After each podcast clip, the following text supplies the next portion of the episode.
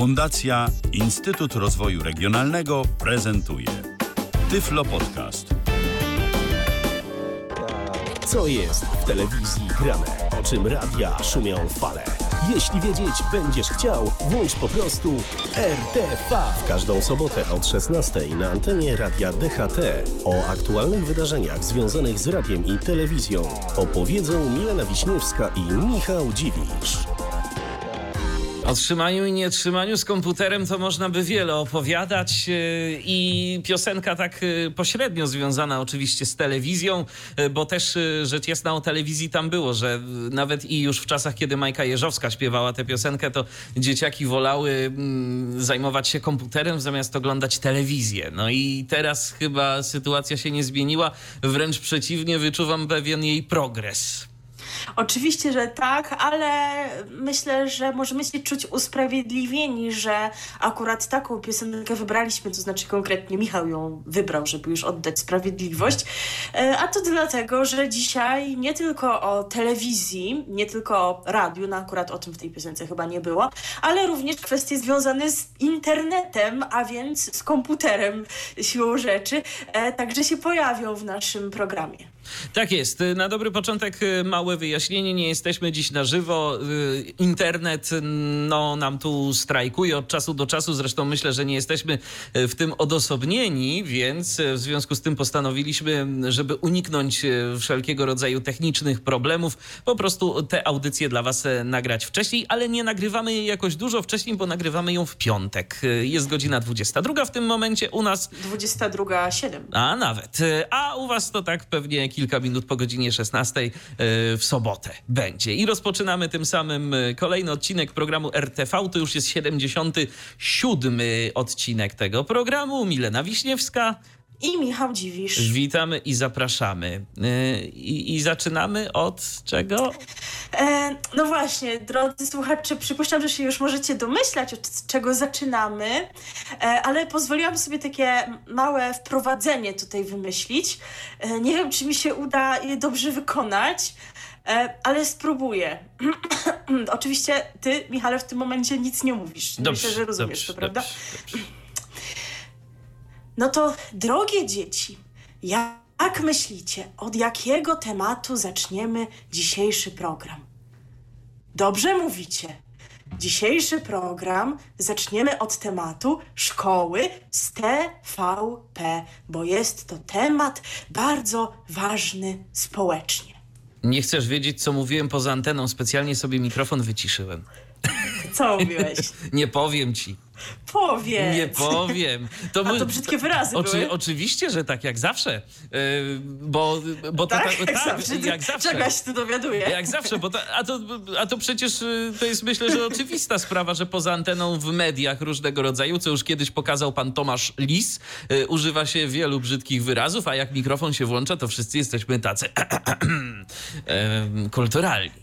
Ale ty tutaj wystąpiłeś poniekąd w roli dziecka w tej scence, a, a, dzieci, mam nadzieję, nie przeklinają i są grzeczne. Właśnie takiego dziecka, którego nie ma, to znaczy takiego, które się nie odzywa, no bo jest gdzieś po drugiej stronie telewizora.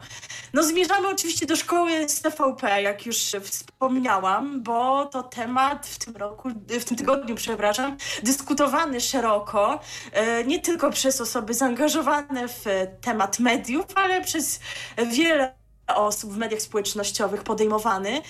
E, no i my nie możemy oczywiście go pominąć w związku z tym dlatego powiemy Wam co, gdzie i jak z tą szkołą z TVP. No i nie możemy e, tutaj pominąć tego i być inni od tych wszystkich, którzy komentują. Też skomentujemy, no bo co, mamy do tego prawo. No a wszystko się poniekąd zaczęło, no w zeszły poniedziałek, to już wiemy, to znaczy no, w poniedziałek w tym tygodniu, e, ale takie zmiany, które umożliwiły zaistnienie tej szkoły z TVP, już się dokonały 28 marca, bowiem wówczas e, Telewizja Polska wprowadziła zmiany w zawartości ogólnopolskiego multiplexu, e, multiplexu trzeciego. Zmniejszono rozdzielczość stacji TVP Sport, a zatem ona była nadawana w HD, a teraz jest w SD, a do oferty dołączono kanał TV TVP rozrywka. To zresztą w ogóle taka dosyć złożona historia jest, jeżeli chodzi o tę obecność TVP rozrywka i TVP sport w naziemnej telewizji cyfrowej. Tam było trochę zmian. E, zatem przypomnę, że TVP rozrywka już wcześniej była dostępna na MUKSie trzecim. Stacja w czerwcu 2018 roku została zastąpiona przez TVP Sport. Oczywiście miał to związek z mistrzostwami piłkarskimi. Natomiast od 22 e, grudnia kanał ponownie można oglądać w naziemnej telewizji cyfrowej. Od tego dnia był on dostępny w multiplexie ósmym. E, no i to nie są jeszcze wszystkie zmiany tego typu, ale tak po prostu staramy się Wam to mniej więcej po kolei zrelacjonować. E, no właśnie, po, po co taka zmiana? Po co TVP rozrywka się miała pojawić w multiplexie trzecim i dlaczego właśnie na nim? No on ma zdecydowanie e, lepszy zasięg niż multiplex ósmy, więc może, no teoretycznie oba są ogólnopolskie, ale z tym ósmym i tym jego docieraniem do wszystkich zakon w kraju, no to bym powiedziała, że bywa różnie. Zatem właśnie zdecydowanie nosi, żeby TVP rozrywka pojawiła się w MUKSie trzecim, po to, aby stała się jednym z kanałów, w którym nadawane są lekcje w ramach programu Szkoła z TVP. Jeżeli ktoś nie widział, nie słyszał, co wydaje mi się dość wątpliwe w tym tygodniu, aby na ten temat się nie natknąć, no ale może jednak.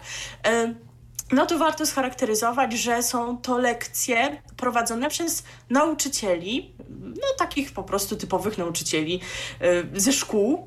E, lekcje trwające no 20 parę minut, no w programie 30, więc licząc reklamy tam chyba to jest 25 minut na lekcję mniej więcej, czy 27. I e, cztery kanały e, zostały poniekąd poświęcone, a przynajmniej części chramówek, właśnie tym lekcjom. I wygląda to w ten sposób, że w stacji TVP3 nadawane są lekcje dla klas czwartych i szóstych, w TVP Historia dla klas trzecich i piątych, w TVP Rozrywka dla klas drugich i siódmych, a w TVP Sport dla klas pierwszych i ósmych. Dlaczego jakoś tak nie po kolei? No pewnie tak, było, to była kwestia tego, w którym kanale można ile miejsca wygospodarować, bo to nie jest tak, że dla każdej klasy poświęcono tyle samo czasu, dla klas 1-3 no to są to, y, jest to mniej zajęć, bodajże po trzy takie półgodzinne bloki, a dla tych klas od czwartej do ósmej bloki chyba cztery, nie jestem pewna, ale tak mi się wydaje. I wygląda to w ten sposób, że całość zaczyna zawsze o godzinie ósmej, jest wtedy ten blok dla klasy młodszej, potem blok dla klasy starszej, więc to się tak kończy koło południa, potem jest przerwa jest tam emitowany jakiś materiał, ale też to jak, no nie śledziłam tak dokładnie, ale to są jakieś takie materiały też związane z y, tematem, e, powiedzmy, że nie wiem, czy to szkoły, czy, czy nauki, czy wiedzy, bo na przykład jakiś felieton pana Miotka widziałam tam w przerwie i potem jak się to skończy, to mamy powtórkę, czyli znowu to pasmo dla klasy e, młodszej, potem dla klasy starszej, no i wszystko się kończy jakoś tak po godzinie 16, 17, zależy właśnie e, z którym kanałem mamy do czynienia. I oczywiście no, wszystko no i... też jest dostępne na VOD tak. TVP, gdyby ktoś na przykład y, nie zdążył sobie tego obejrzeć, albo na przykład gdyby miał y, prowadzone lekcje za pomocą innych środków y, z nauczycielami swoimi własnymi, no bo wszak ta nauka zdalna jest jakoś tam realizowana, różnie to z nią bywa, niektórym się udaje lepiej, niektórym się udaje gorzej, ale jednak coś się dzieje. E, dokładnie tak.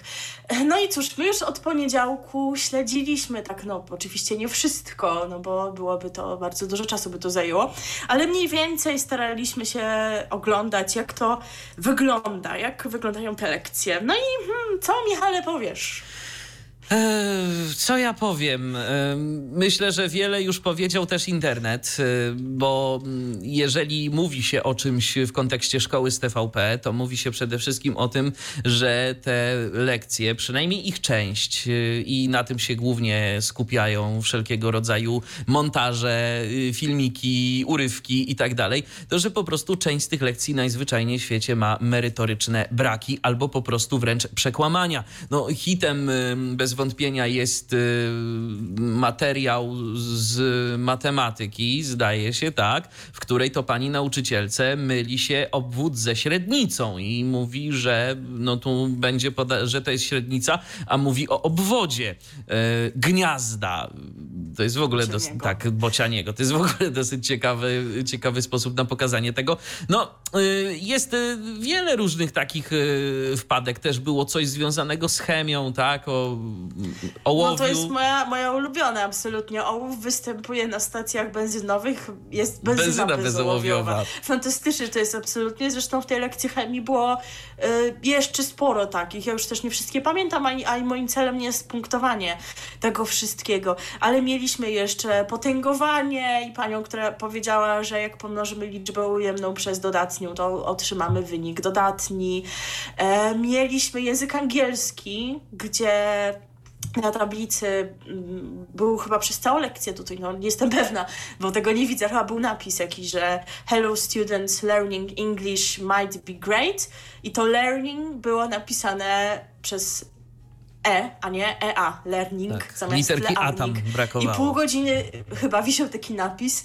E, no jakby nic się z tym nie wydarzyło. No i jeszcze jedna faworytka, no to, a raczej dwie faworytki, to są te panie, które tłumaczyły liczby parzyste w jakiś absolutnie dziwny sposób, że liczba parzysta to jest ta, która ma parę. Ja na tej podstawie bym się absolutnie niczego nie domyśliła.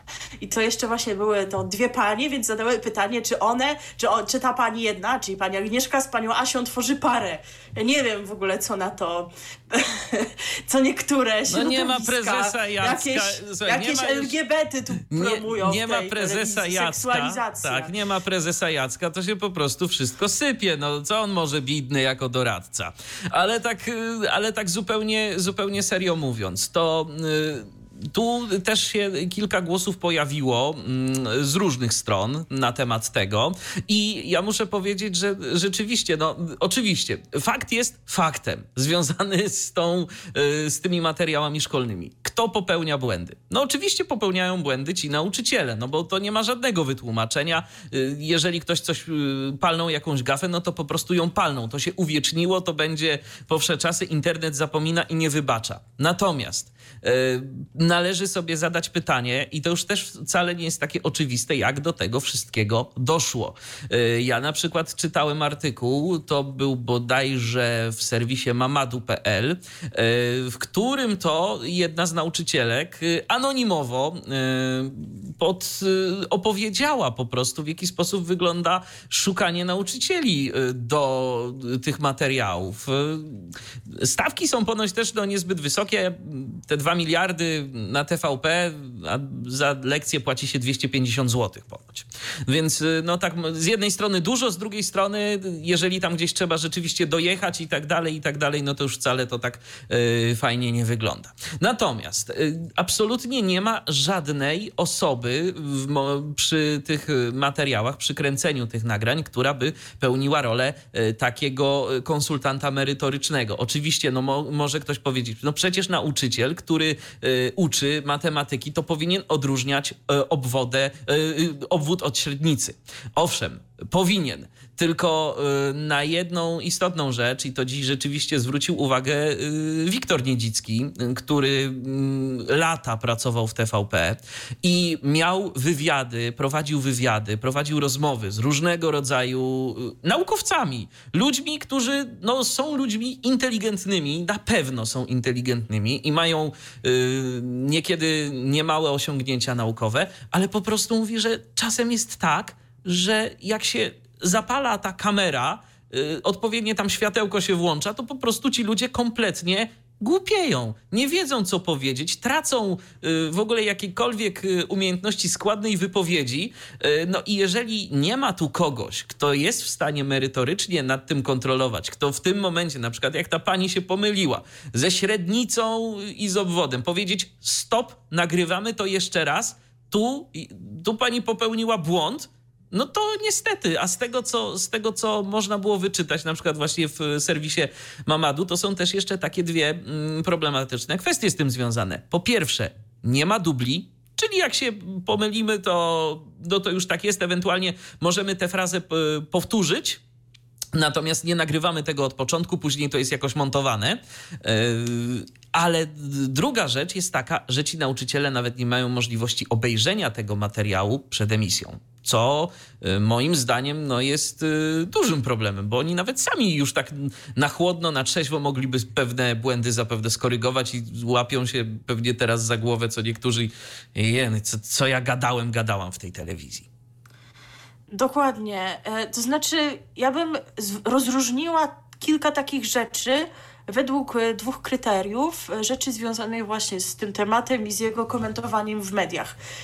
Punkt pierwszy. Rozróżniałabym krytykę od hejtu, bo pojawia się coraz więcej takich głosów, że ci nauczyciele są hejtowani.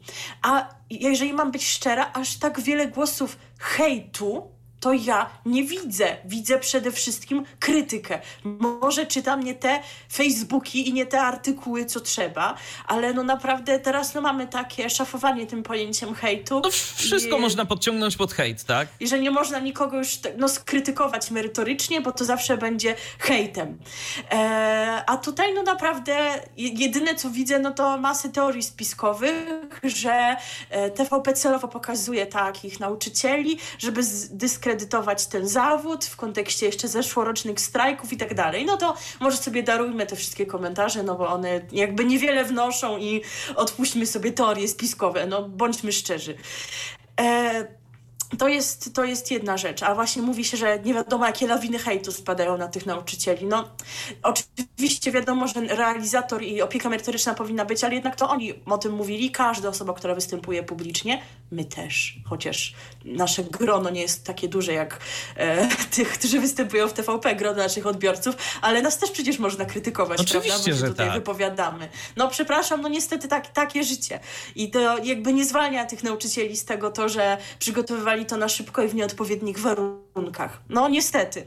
To jest właśnie Zawsze, jeżeli ktoś nie czuje się na siłach realizować danej kwestii, można odmówić. Problem tylko w tym, kiedy y, jest się osobą mało asertywną, a prikaz przychodzi gdzieś z góry od dyrekcji albo wręcz z kuratorium, tak? No to mogą być pewne jakieś tam powiedzmy problemy, ale mając świadomość, że jednak firmuje się coś własnym nazwiskiem, to naprawdę wypadałoby dla własnego komfortu, a też i przede wszystkim z myślą o odbiorcach, y, czyli o wszelkiego rodzaju uczniach, y, się naprawdę zastanowić, czy, czy ja na pewno podołam. No właśnie, jak widać można było odmówić, jak wynika z relacji tej pani, która się wypowiedziała dla Mamadu, no ale rozumiem, że nie wszyscy byli w stanie to zrobić. Tam też się pojawiają jakieś głosy, że kilka tych nauczycielek należy do Solidarności i że je poleciła żona ministra edukacji. No ja tam nie wiem, czy to prawda szczerze mówiąc mi to nie bardzo interesuje, bo niezależnie od tego, kto je polecił, do jakiego związku należą bądź nie, no to powinny po prostu po zrobić dobrą robotę i tyle. Oczywiście, Więc że nie tak. ma to dla mnie znaczenia, kto je tam polecił kogo popierają i tak dalej. E, no ale kwestia rozróżnienia drugiej rzeczy, czyli e, warstwy takiej, powiedziałabym, wizualnej, realizacyjnej tych, realizacyjnej tych materiałów, czyli tego, że no to jest taka po prostu typowa lekcja z polskiej szkoły, tak, że one są wizualnie nieatrakcyjne, że światło nie takie, no tutaj się akurat nie wypowiem w tych kwestiach, no ale że nie ma jakiejś, jakichś atrakcji, czegoś takiego, co by frapowało tych uczniów. No ale tutaj myślę, że nie mamy się prawa czepiać, dlatego właśnie, że było to robione na szybko, bez przygotowania szczególnego, bez wsparcia merytorycznego, więc trudno było się spodziewać fajerwerków. No, mamy to, co mamy, mamy sytuację, która się pojawiła niespodziewanie i nagle. E, I to musimy odróżnić właśnie od kwestii merytorycznych, no bo one no tak czy inaczej są, są te błędy, oglądają to uczniowie i to oni będą tutaj poszkodowani, bo jak uczeń widział przez pół godziny, że jest napisane learning, to on to niestety może zapamiętać, napisać na klasówce i będzie miał punkty za to odjęte, prawda? I to na niego nauczyciel nakrzyczy. I ja jestem a to bardzo... uczeń to widział w telewizji. I ja jestem bardzo ciekaw, ilu z tych nauczycieli, którzy występują w TVP y, w tym momencie za tego typu błędy, które y, zobaczyliby na klasówkach swoich uczniów, y, odjęliby im sami punkty. Podejrzewam, no. że nie jeden. No zapewne. Oczywiście jest też taka opcja, że część tych błędów, chociaż to aż jest w wielu przypadkach nie, nierealne, bo jednak no, większość osób wie, nawet nie, nie specjalizujących się w matematyce, czym jest obwód, a czym średnica, no jest niebezpieczeństwo, że część tych błędów rzeczywiście wynika z niewiedzy nauczycieli i że mają w głowach jakieś niepełne informacje, e, tak jak na, na tej lekcji chemii, gdzie padło takich dużo nieprecyzyjnych określeń, albo na lekcji plastyki, gdzie ktoś, kto się zna na tym, Oj, tak, e, to wypunktował wypunktował, wszystkie tak. błędy, jakie e, zrobiła nauczycielka mówiąc o Van Goghu. E, No ale nie wiemy tego rzeczywiście, czy zrobiły to ze stresu, czy zrobiły to, bo czegoś nie wiedzą, więc nie, nie możemy ich tutaj oceniać. Po prostu jakby mówię o tym, że to są takie błędy grubszego kalibru niż średnica i obwód, takie mniej oczywiste rzeczy i że tutaj rzeczywiście teoretycznie można być w jakichś obszarach niedouczonym. Wiesz o co mi chodzi? Oczywiście, nie powinno się tak. być, ale to nie jest taka wiedza ogólna, bo ale pomylić już obwód ze średnicą wydaje mi się jednak mimo wszystko pomyłką wynikającą ze Ze stresu. no. ja po prostu wierzę w ludzi, nie wiem, może nie powinnam, ale jednak, no jednak tak, e, tak mi się wydaje. Więc e, no, odróżnijmy te, te rzeczy, że mm, żeby odpuścić sobie komentowanie warstwy wizualno-realizacyjnej i tego, że ci nauczyciele nie są tak fajni, atrakcyjni jak ci, którzy na YouTubie propagują naukę czy wiedzę z różnych dziedzin. No ale te błędy są i na tym ucierpią i uczniowie, bo no, oglądają, przyswajają błędną wiedzę, no i ci sami nauczyciele, którzy po prostu będą musieli po tej pandemii powrócić do szkół i spojrzeć w oczy swojej dyrekcji, swoim kolegom z pracy, Przede wszystkim swoim uczniom. uczniom, rodzicom, e, tak i przede wszystkim uczniom.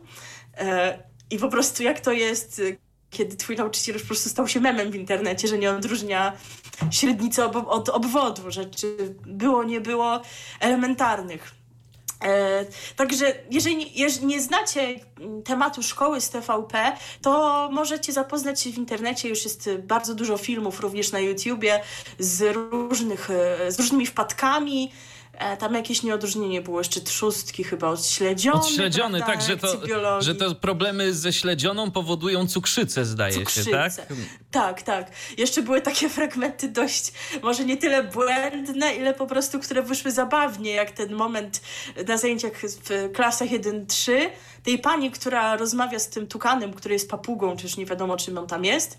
E, I e, i ta pani pyta, bo ona z nim rozmawia jakby jak ze swoim uczniem, taki sobie wymyśliła motyw.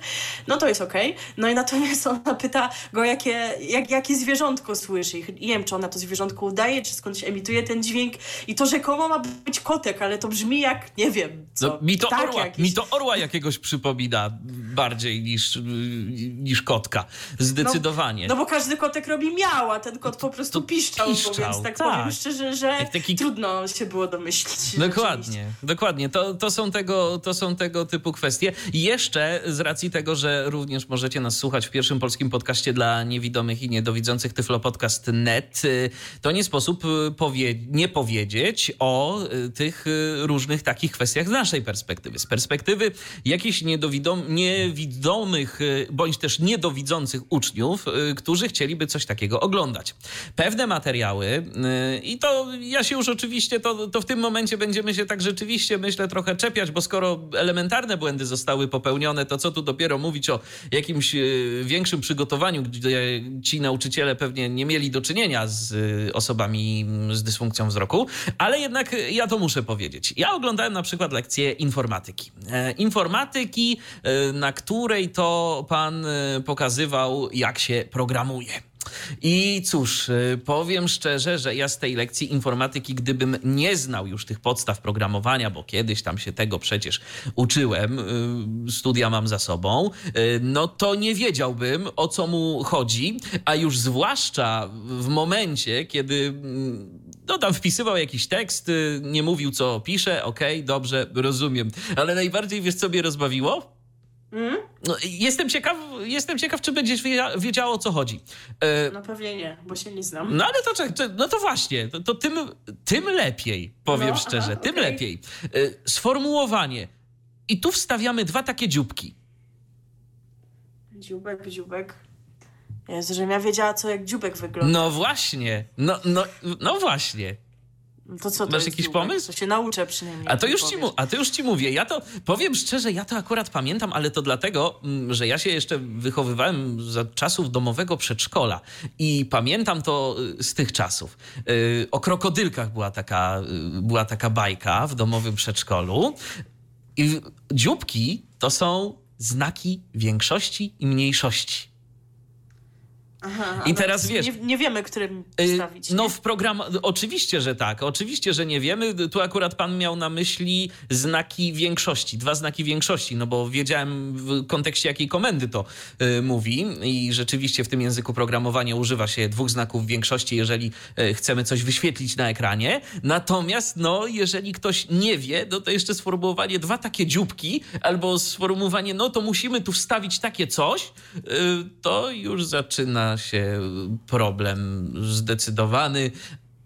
No, a poza tym jeszcze taka propos informatyki, bo dziś sobie też oglądałem informatykę dla klas szóstych. E, Pan z akcentem, którym moim zdaniem ja też doskonale rozumiem, że no, różni ludzie wychowują się w różnych środowiskach, ale niekoniecznie mm, powinien być promowany mówienie w sposób jeżeli, czyli i Gmail, że mamy pocztę na Gmailu yy, i podobne zwroty. No, No to- dobrze, to- no to- to ale też. pewnie, pewnie miał, ktoś go tam znał w kuratorium, bo to tak się odbywa No. chyba. Ktoś z kuratorium się do niego odezwał, kto go może znał z korespondencji pisanej i nie wiedział, jak ten ktoś mówi, a ten ktoś albo mu to nie przeszkadza, albo też no, nie umiał odmówić i, no i się zgodził, bo prowadził te lekcje, więc no nie czepiałabym się I aż teraz tak właśnie, i teraz właśnie ja chcę powiedzieć na sam koniec, bo myślę, żeby to spiąć jakąś taką klamrą, pewną To. rzecz. A to jeszcze nie jest koniec tematu. A to, to jeszcze nie jest. Okej, okej, ale ja tu, ale ja tu, ale ja tu chcę to powiedzieć. Gdybyś patrzył w notatki, to byś wiedział. No dobrze, to spokojnie. To, to zaraz jeszcze powiesz, ale, ale, tu, ale tu w tym momencie myślę, że to jest dobry moment. E, mianowicie chcę powiedzieć tak, że 20 lat temu mieliśmy w telewizji polskiej ludzi, którzy, tak zakładam, bo tak pamiętam, prawdopodobnie byli specjalistami od wszelkiego rodzaju nauk szkolnych, którzy mieli lata doświadczenia e, w popularyzacji nauki w sposób w miarę ciekawy. Tym ludziom 20 lat temu podziękowano. Z pewnością do tego czasu wszyscy by nie dotrwali. No bo wiadomo, to już też nie byli ludzie młodzi, yy, a przynajmniej nie wszyscy. Ale mieliśmy redakcję telewizji edukacyjnej. I ja naprawdę bardzo chciałbym zadać pytanie osobie, która podpisała się pod y, decyzją o likwidacji działu telewizji edukacyjnej. Jak jej się podoba to, co w tym momencie emitowane jest na antenie kanałów telewizji polskiej i czy to rzeczywiście musiało się tak skończyć? Nie no, ja może nie pamiętam tak dokładnie, jak wyglądały ramówki powiedzmy 20 lat temu, bo w momencie, w którym zlikwidowano telewizję edukacyjną, e, ale biorąc pod uwagę, jak wyglądają teraz e, ramówki jedynki czy dwójki w takim paśmie, nie tym wieczornym, popołudniowym, tylko tym wcześniejszym, i że tam są kolejne powtór, powtórki familiady i na dobre i na złe, no to naprawdę jest, zadam takie pytanie w stylu TVP, komu przeszkadzała telewizja edukacyjna? No tak właśnie. by zapytali w wiadomościach TVP, tak by zapytał redaktor Sawicki. Jakby, no, żeby jeszcze mieli za to jakąś inną ofertę atrakcyjną dla innego widza, czy coś w tym rodzaju. No oczywiście można byłoby dyskutować, co bardziej, a co mniej jest atrakcyjne. Ale oni nie mają nic do zaoferowania. Więc no, komu by przeszkadzało po prostu coś takiego tworzyć, co ma jakąś wartość, realizuje, realizuje jakąś misję i tak dalej. No. I co można by Więc- też wykorzystać później na przykład na lekcjach, y, żeby uatrakcyjnić jeszcze chociażby przekaz y, taki, tak po prostu, tak, że nauczyciel może sobie te materiały gdzieś tam odtworzyć na przykład. No na tym polega, tak mi się wydaje, misja publiczna. No tak, mi się też wydaje. Zdaniem prezesa Jacka polegała na czymś trochę innym i, tu, i tutaj przypuszczam, że ta linia może być kontynuowana. Niemniej, no oczywiście, że dobrze byłoby, aby szkoła z TVP pozostała, no bo te, to TVP3 myślę, że można byłoby spożytkować na takie rzeczy Owszem. chociażby. Tylko może po prostu... Jak już nie chcecie jedynki ani dwójki, to Dokładnie. te TVP3 myślę, że jest dobrym, dobrym pomysłem. E, ale, ale właśnie, żeby to było zrobione już z pomyślunkiem i żeby e, w, tak zwanym międzyczasie poszukać faktycznie osób, które by się tym zajęły. Jeżeli już nie ci, którzy się zajmowali lata temu telewizją edukacyjną, bo już mogą nie czuć się na siłach, no to jest chociażby w internecie tyle osób właśnie, które popularyzują różne dziedziny wiedzy, że może akurat któraś by się zgodziła, żeby jakieś materiały przygotowywać. Ale rozumiem, że na to byłoby potrzeba czasu i nie da się takich rzeczy odtworzyć z dnia na dzień. Natomiast my tu sobie krytykujemy, to znaczy no krytykujemy, no wypowiadamy nasze sądy, myślę, że dość wyważone. No i na takie różne sądy obecne w internecie zareagowała telewizja polska, wystosowując oświadczenie na stronie Centrum Informacji TVP. I ja sobie pozwolę je odczytać teraz, bo to stanowisko jest trochę hmm, dyskusyjne, powiedziałabym. A samo oświadczenie napisane stylem może nie najlepszym. Brzmi tak. Poniżanie i dyskredytowanie nauczycieli, którzy realizując swoją misję zdecydowali się zaangażować w projekt edukacyjny, którego celem jest zapewnienie ciągłości nauczania, świadczy o niedostrzeganiu powagi sytuacji i wyzwań, które stoją przed naszym społeczeństwem, społeczeństwem w tej trudnej chwili. Pedagodzy z wieloletnim doświadczeniem, na co dzień uczący nasze dzieci w szkołach publicznych, dziś, kiedy poświęcają się i angażują w przedsięwzięcia służące dobru ogółu, stają się obiektem drwin i ataków. Jeszcze kilka kilka miesięcy temu te same media, które wspierały nauczycieli w walce o lepsze wynagrodzenia, dziś na podstawie jednostkowych pomyłek stygmatyzują ich. Tak, to się, to jest kropka, stygmatyzują ich. Zachowanie to świadczy o niedojrzałości przedstawicieli mediów komercyjnych oraz o braku solidarności ze społeczeństwem.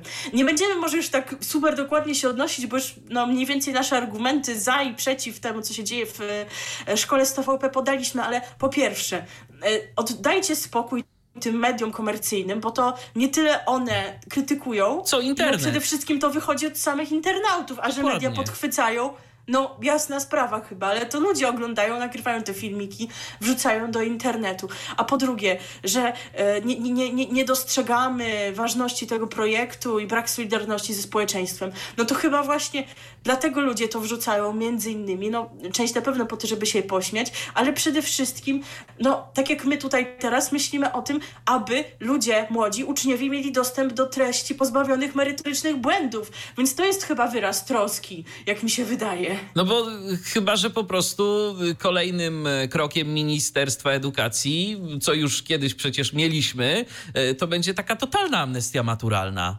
mm, tym razem.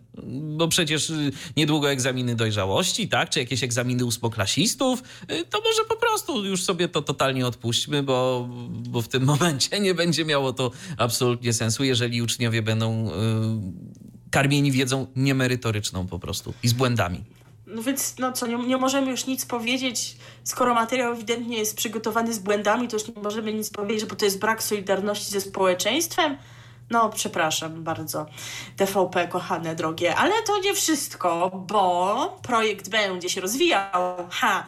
E, no i w czwartek 2 kwietnia, czyli ten czwartek, co był u Was przedwczoraj, a u nas wczoraj, do oferty multiplexu ósmego tym razem dołączyła stacja TVP HD. Zastąpiła ona kanał TVP Rozrywka, który przypomnijmy od kilku dni można oglądać w ramach multiplexu trzeciego, ale uwaga, będzie dobry żarcik, ale to prawda, TVP HD czyli w tej jakości wysokiej, jest dostępne w naziemnej telewizji cyfrowej w jakości SD, czyli to, to, jest HD wyłącznie z nazwy. Ale no, ono się tam też nie pojawiło bez przyczyny. Też na początku, podobnie jak przy, w przypadku tamtej zmiany, nie wiedzieliśmy dlaczego, ale już wiemy. Bowiem pojawiła się taka informacja, że od piątku, czyli właśnie od 3 kwietnia, projekt Szkoła z TVP zostanie poszerzony o realizację podstawy programowej szkół licealnych. Widzowie cyklu Szkoła z TVP będą mogli zapoznać się z treściami dotyczącymi m.in. języka polskiego, angielskiego, matematyki czy chemii. Lekcje będą emitowane od godziny 9 w TVP HD w jakości SD oraz TVP Kultura. Oba kanały, przypomnijmy, są dostępne w naziemnej telewizji cyfrowej na multiplexie 8, bo TVP Kultura też tam jakiś czas temu przeniesiono do tego multiplexu, który yy, całego kraju niestety nie, po, nie pokrywa tak jak powinien. A ponadto powtórki lekcji będzie można obejrzeć po godzinie 17 w TVP Sport i TVP Rozrywka. Stacje obie są dostępne w ramach multiplexu trzeciego. No i oczywiście tutaj również wszystkie lekcje będą dostępne w internecie no i właśnie, to powinno być już dzisiaj. Ja tak nie śledziłam dokładnie. TVP HD w SD to nie włączyłam ani razu, ale włączyłam na przykład TVP Kultura yy, i osoba widząca powiedziała mi, że jest tam napisane, że leci chemia, lekcja chemii, a był jakiś film. Więc nie wiem, albo ja trafiłam na jakiś błąd, albo jakaś luka w programie, ktoś nie, nagra, nie nagrał tej lekcji chemii. Jeżeli już oglądaliście e, te lekcje ponadgimnazjalne, ponadpodstawowe, przepraszam, jeżeli one w ogóle były, no to nam napiszcie na naszym Facebooku lub na naszej stronie, na antenie nie odczytamy, ale no już przynajmniej będziemy wiedzieli, e, czy te lekcje w ogóle były, czy ich nie było, czy czy były w kratkę, to, to, mi trudno powiedzieć. No ale śmiem przypuszczać, że nawet jeżeli coś tam dzisiaj nie poszło jak powinno, to przez weekend już będzie ogarnięte i od poniedziałku będziemy mieli również i te lekcje. A żeby jeszcze zakończyć pozytywnym akcentem, chociaż to też nie koniec tego wejścia jeszcze, ale tego tematu, e, żeby nie było, że wszystkie lekcje są takie absolutnie beznadziejne, to całkiem pozytywne recenzje wśród muzyków zbiera lekcja muzyki właśnie przeprowadzona dla klasy szóstej przez pana, który ewidentnie z muzyką ma wiele wspólnego. E, lekcję poprowadził dotyczącą instrumentów perkusyjnych i sam chyba jest perkusistą, bo przyniósł wszystkie te instrumenty. No akurat miał łatwą sytuację, bo ktoś, kto nie jest perkusistą, nie ma tylu rzeczy w domu, ani w szkole, ani nigdzie, no ale mógł sobie wybrać temat, no to sobie wybrał taki, w którym się dobrze zaprezentuje. No i fajnie, bo zagrał na ksylofonie i pokazał te różne instrumenty, było super.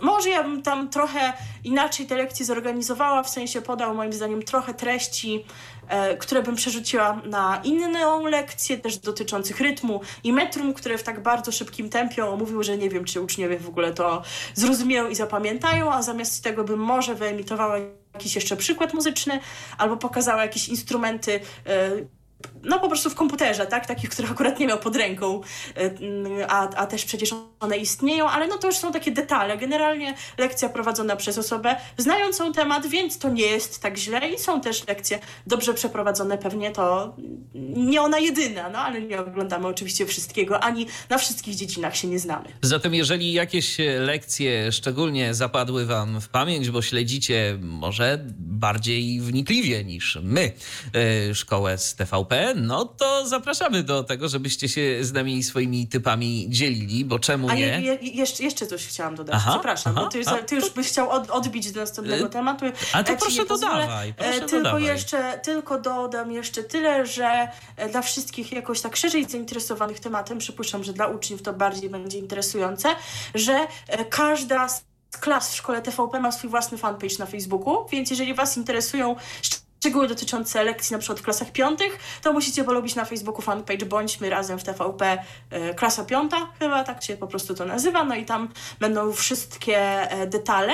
To jest jedno, a drugie odnośnie jeszcze tego, o czym mówiłeś, ale jakoś zmieniliśmy wątek, odnośnie tych e, nauczycieli, którzy niekoniecznie mówią to, co piszą na tablicy, czy też na komputerze, bo ja na przykład widziałam takiego pana od matematyki, który absolutnie mam wrażenie, że rozwiązuje zadania sam dla siebie, to znaczy robi to w ekspresowym tempie, potrafi rozwiązać bardzo dużo zadań na jednej lekcji i to jeszcze takich zadań, nad którymi trzeba pomyśleć, bo to są zadania z treścią, do których trzeba ułożyć równanie. No wiesz, lekcja ma, się... Słuchaj, lekcja ma 25 minut, o 20 minut mniej niż on ma zwykle, to się po prostu facet stresuje i pędzi. No, może tak, no, no niewykluczone oczywiście, natomiast no to nie, nie, są takie rzeczy, które się robi mechanicznie, tylko trzeba pomyśleć, prawda, bo masz zadanie oczywiście. typu Janek ma o 5 lat więcej niż Marek, a Marek jest o 3 lata starszy niż Janek. Ile mają lat razem, czy coś.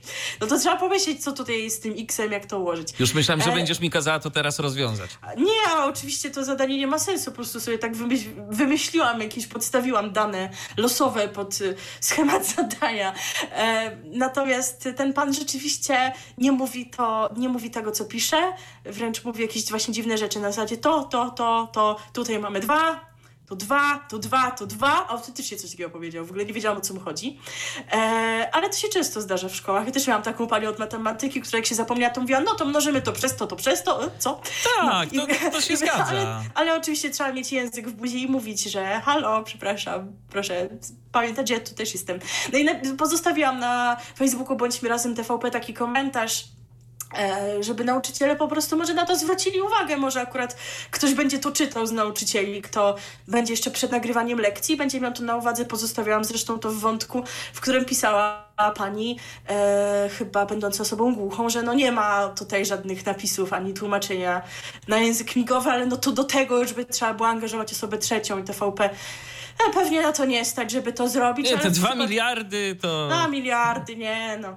E, ale no, więc nie będziemy już tego wątku rozwijać, bo to jest oczywisty temat. E, no ale wiadomo, że jeżeli chodzi o e, mówienie tego, co się pisze, no to jest taka uwaga stricte do nauczycieli. Nie doczekałam się w sumie żadnej reakcji pod tym komentarzem, ale może ktoś to przeczyta i sobie weźmie do serca. Zawsze warto mówić i zgłaszać takie uwagi, no bo wiadomo skąd ludzie mają wiedzieć, jeżeli nigdy nie mieli z osobami z dysfunkcją wzroku do czynienia. Uff, chyba zakończyliśmy szkołę z TVP. No słuchaj, tak, tak, chyba, chyba tak i sporo nam czasu zeszło, a teraz jeszcze tak króciutko na temat jeszcze jednego programu edukacyjnego, który na antenie telewizyjnej dwójki się pojawia. Tak naprawdę to jest program składający się, a właściwie jest to pasmo, składające się z dwóch programów, bo po programie Pytanie na śniadanie na antenie telewizyjnej dwójki od poniedziałku do piątku w okolicach godziny 11.40 można oglądać nowe pasmo edukacyjne składające się z dwóch programów.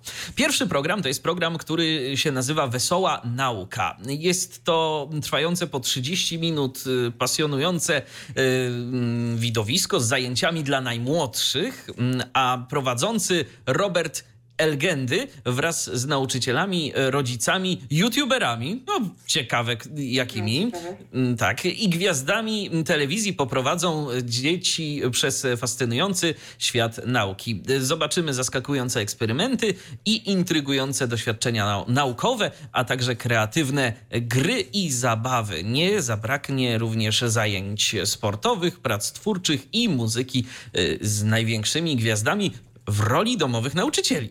No to rzeczywiście może być interesujące i gdyby tak było robione większość tych e, różnych e, lekcji, to myślę, że to myślę, że by było coś. Natomiast e, jest jeszcze... Jeszcze, jeszcze, jeszcze mhm. tylko dodam, bo ty chyba powiedziałeś, że on się nazywa Elgendy. Chyba Elgendi go czyta. Oczywiście nie mam tutaj na celu Cię poprawić, ale żeby nazwisko jednak wybrzmiało takim, jakie ono jest, już gdyby pan Robert na przykład nas posłuchał, to No tak, to nazwisko zawsze warto wymawiać y, prawidłowo, więc dobrze, że chociaż Ty z naszej dwójki wiesz, jak ten pan się nazywa. Natomiast y, kolejny program to Wielkie Dzieła Małych Rąk i jest to magazyn tworzony we współpracy z ekspertami Ministerstwa Edukacji Narodowej. Realizuje on podstawę programową, i mm, wykorzystuje podstawy programowe e, opracowane przez ministerstwo. E, to nowatorskie podejście do edukacji e, obejmuje takie dziedziny jak matematyka, język polski, przyroda, języki obce, a także zajęcia ruchowe i naukę przez zabawę. Mm, a prowadzącą i autorką programu jest ekspert Ministerstwa Edukacji Narodowych do spraw edukacji dzieci młodszych, pani Dorota Dziamska. To nawet ekspertka powinienem powiedzieć, ale było napisane no, ale, w notatce no, prasowej, może, że może ekspert. Może ona chce być ekspertem. Ekspertem, bo niektóre panie preferują formy żeńskie, niektóre uważają, tak że jest. one są niepoważne i nie chcą być dyrektorkami czy ekspertkami, więc po prostu trzeba Więc to pani jest uszanować. ekspertem. Tak. Więc pani jest ekspertem. Pani no jest i, ekspertem. I, tak I, to, okay. jest, to jest temat, który na pewno można by na jakiejś lekcji języka polskiego poruszyć, prawda? Tych form żeńskich, no bo czemu by właściwie nie. A teraz z e, języka polskiego przejdziemy sobie do matematyki, chyba że jeszcze chcesz tak. coś dodać. E, nie, myślę, że, że zakończymy to nasze bardzo długie bardzo wejście. Długie, bardzo, bardzo długie, długie wejście. A jeszcze dużo tematów dzisiaj przed nami, także piosenka. Piosenka. piosenka. I będzie piosenka y, wspomnień, czar nam tu wróci. Nieraz już widziałem y, w kontekście y, programów, które obecnie produkuje y, TVP, Zamiast tego puśćcie Mat Planetę. No dobrze, to my puścimy Mat Planetę. Przywyszę z Mat Planety, świetny serial pokazujący różnego rodzaju zagadnienia matematyczne. Pamiętam z dzieciństwa, a ten serial był wyprodukowany jeszcze znacznie wcześniej niż y, ja miałem okazję go oglądać, bo ja go oglądałem w latach 90., a został wyprodukowany w latach 80., a piosenkę do Przybyszy z Mat Planety zaśpiewa teraz na antenie Radia DHT Andrzej Zaucha.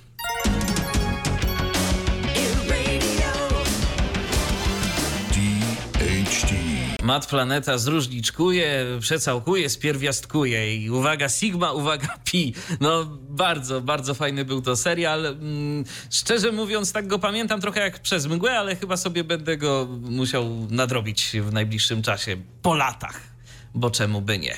A teraz y, przechodzimy z programów y, edukacyjnych do programów y, mm, nieco innych, natomiast y, dotyczących jak najbardziej obecnej sytuacji. Y, Takich, których by nie było, gdyby nie tak, pandemia. Tak, tak. Chociaż y, no, na przykład programy dla seniorów TVP miało produkować i coś tego... I coś tam nawet... Coś wypro... już nie, tam, tak. nie mówię o Sanatorium Miłości, ale był jakiś taki program wcześniej, niedzielne popołudnie, Tak, tak, nawet tak, nie wiem, co tak, to tak. było, ale miały też być jakieś programy w porach przedpołudniowych i chyba tutaj się tylko skończyło na zamiarach. Także no, to chyba trzeba było pandemii, żeby rzeczywiście temat został potraktowany nieco poważniej, niestety. Tak, natomiast przechodząc do rzeczy, to jak poinformował portal wirtualnemedia.pl, Bądźmy razem w domu wystartował taki program. Jest to nowy, autorski program TVP skierowany do seniorów i ich opiekunów. Głównym se- celem poradnikowej audycji jest pomoc widzom w odnalezieniu się w sytuacji związanej z pandemią koronawirusa. Cykl ma zachęcić widzów do pozostania w domu, a także przedstawiać propozycje spędzania czasu w ciekawy i wartościowy sposób we własnych mieszkaniach. Poruszane tematy będą dotyczyć profilaktyki przeciwwirusowej, umiejętności zauważenia u siebie i innych niepokojących objawów e, zakażenia, radzenia sobie z codziennością, a także dbania o dobrą formę fizyczną i psychiczną. W programie wystąpią lekarze różnych specjalizacji, psychologowie, a także artyści, innymi Teresa Lipowska, Tadeusz Chudecki, mm, czy bohaterowie programów e, Sanatorium Miłości i The Voice Senior. Audycja zostanie również wzbogacona o wypowiedzi widzów seniorów, którzy będą mogli na antenie e, TVP, konkretnie telewizyjnej jedynki, podzielić się swoimi doświadczeniami e, związanymi z obecną sytuacją, a może też i jakimiś e, wcześniejszymi. Tu taką informację gdzieś wyczytałem, że do tego celu zostaną wykorzystane e, środki nowoczesnej komunikacji. Cokolwiek by to miało oznaczać, no i jak seniorzy sobie z tą nowoczesną komunikacją poradzą. No ale miejmy nadzieję, że będzie dobrze. Program prowadzi dziennikarka specjalizująca się w e, tematach e, dotyczących seniorów. Jest to pani Urszula Rogala, e, a gospodarzem dodatkowego cyklu nadawanego w ramach audycji będzie znany m.in. z audycji nadawanej w dwójce operacji Zdrowie Piotr Poraj Poleski. E, Premierowe odcinki Bądźmy Razem w Domu na antenie telewizyjnej Jedynki można oglądać od poniedziałku do piątku e, o godzinie 15.35 od zeszłego wtorku, czyli równo 1 kwietnia wystartowali. E, To jest jeden program, który e, zadebiutował w tym szczególnym czasie, ale nie jedyny. E, Teraz tak w tym kontekście, w tej sytuacji jest dość modne, że różne artykuły, różne teksty mają tytuły, to pojawia się jakieś słowo w czasach zarazy. No, Prawda? tak. To jest takie bardzo trendy. E, już trochę się staje nudne, już niektórzy mówią zdelegalizujcie to sformułowanie w czasach zarazy, bo ile już można. Ale TVP e, trzyma się tego trendu i stworzyło program, który się nazywa Rozmowy w czasach zarazy. I moim zdaniem ten tytuł nie jest tutaj zbyt dobrym rozwiązaniem, bo skoro to mają być rozmowy, a więc można się domyśleć, że one mają być takim pokrzepieniem, to ten tytuł powinien być jakiś taki może bardziej łagodniejszy, właśnie bardziej krzepiący, a nie rozmowy w czasach zarazy. Taki po prostu, taki no cieplejszy, że tak powiem, a nie już od razu z takim odniesieniem do tego, o czym może wielu chciałoby zapomnieć albo od czego się oderwać. No ale tak czy inaczej tematyka programu nam e, no, nie, nie pozwoli, aby zapomnieć o tych e, kwestiach. Rozmowy w czasach zarazy są nadawane na żywo żywo ze studia Pytania na śniadanie. W programie Marzena Rogalska i Tomasz Kamel rozmawiają ze swoimi gośćmi. Zarówno zwykłymi ludźmi, jak i specjalistami z różnych dziedzin, na przykład prawa i medycyny, o wielu aspektach życia codziennego w czasie epidemii koronawirusa. Pojawią się m.in. tematy samotności, rozłąki z rodziną, tęsknoty, utraty pracy i strachu przed zagrożeniem. Widzowie mogą ponadto przekazywać swoje opinie poprzez media społecznościowe.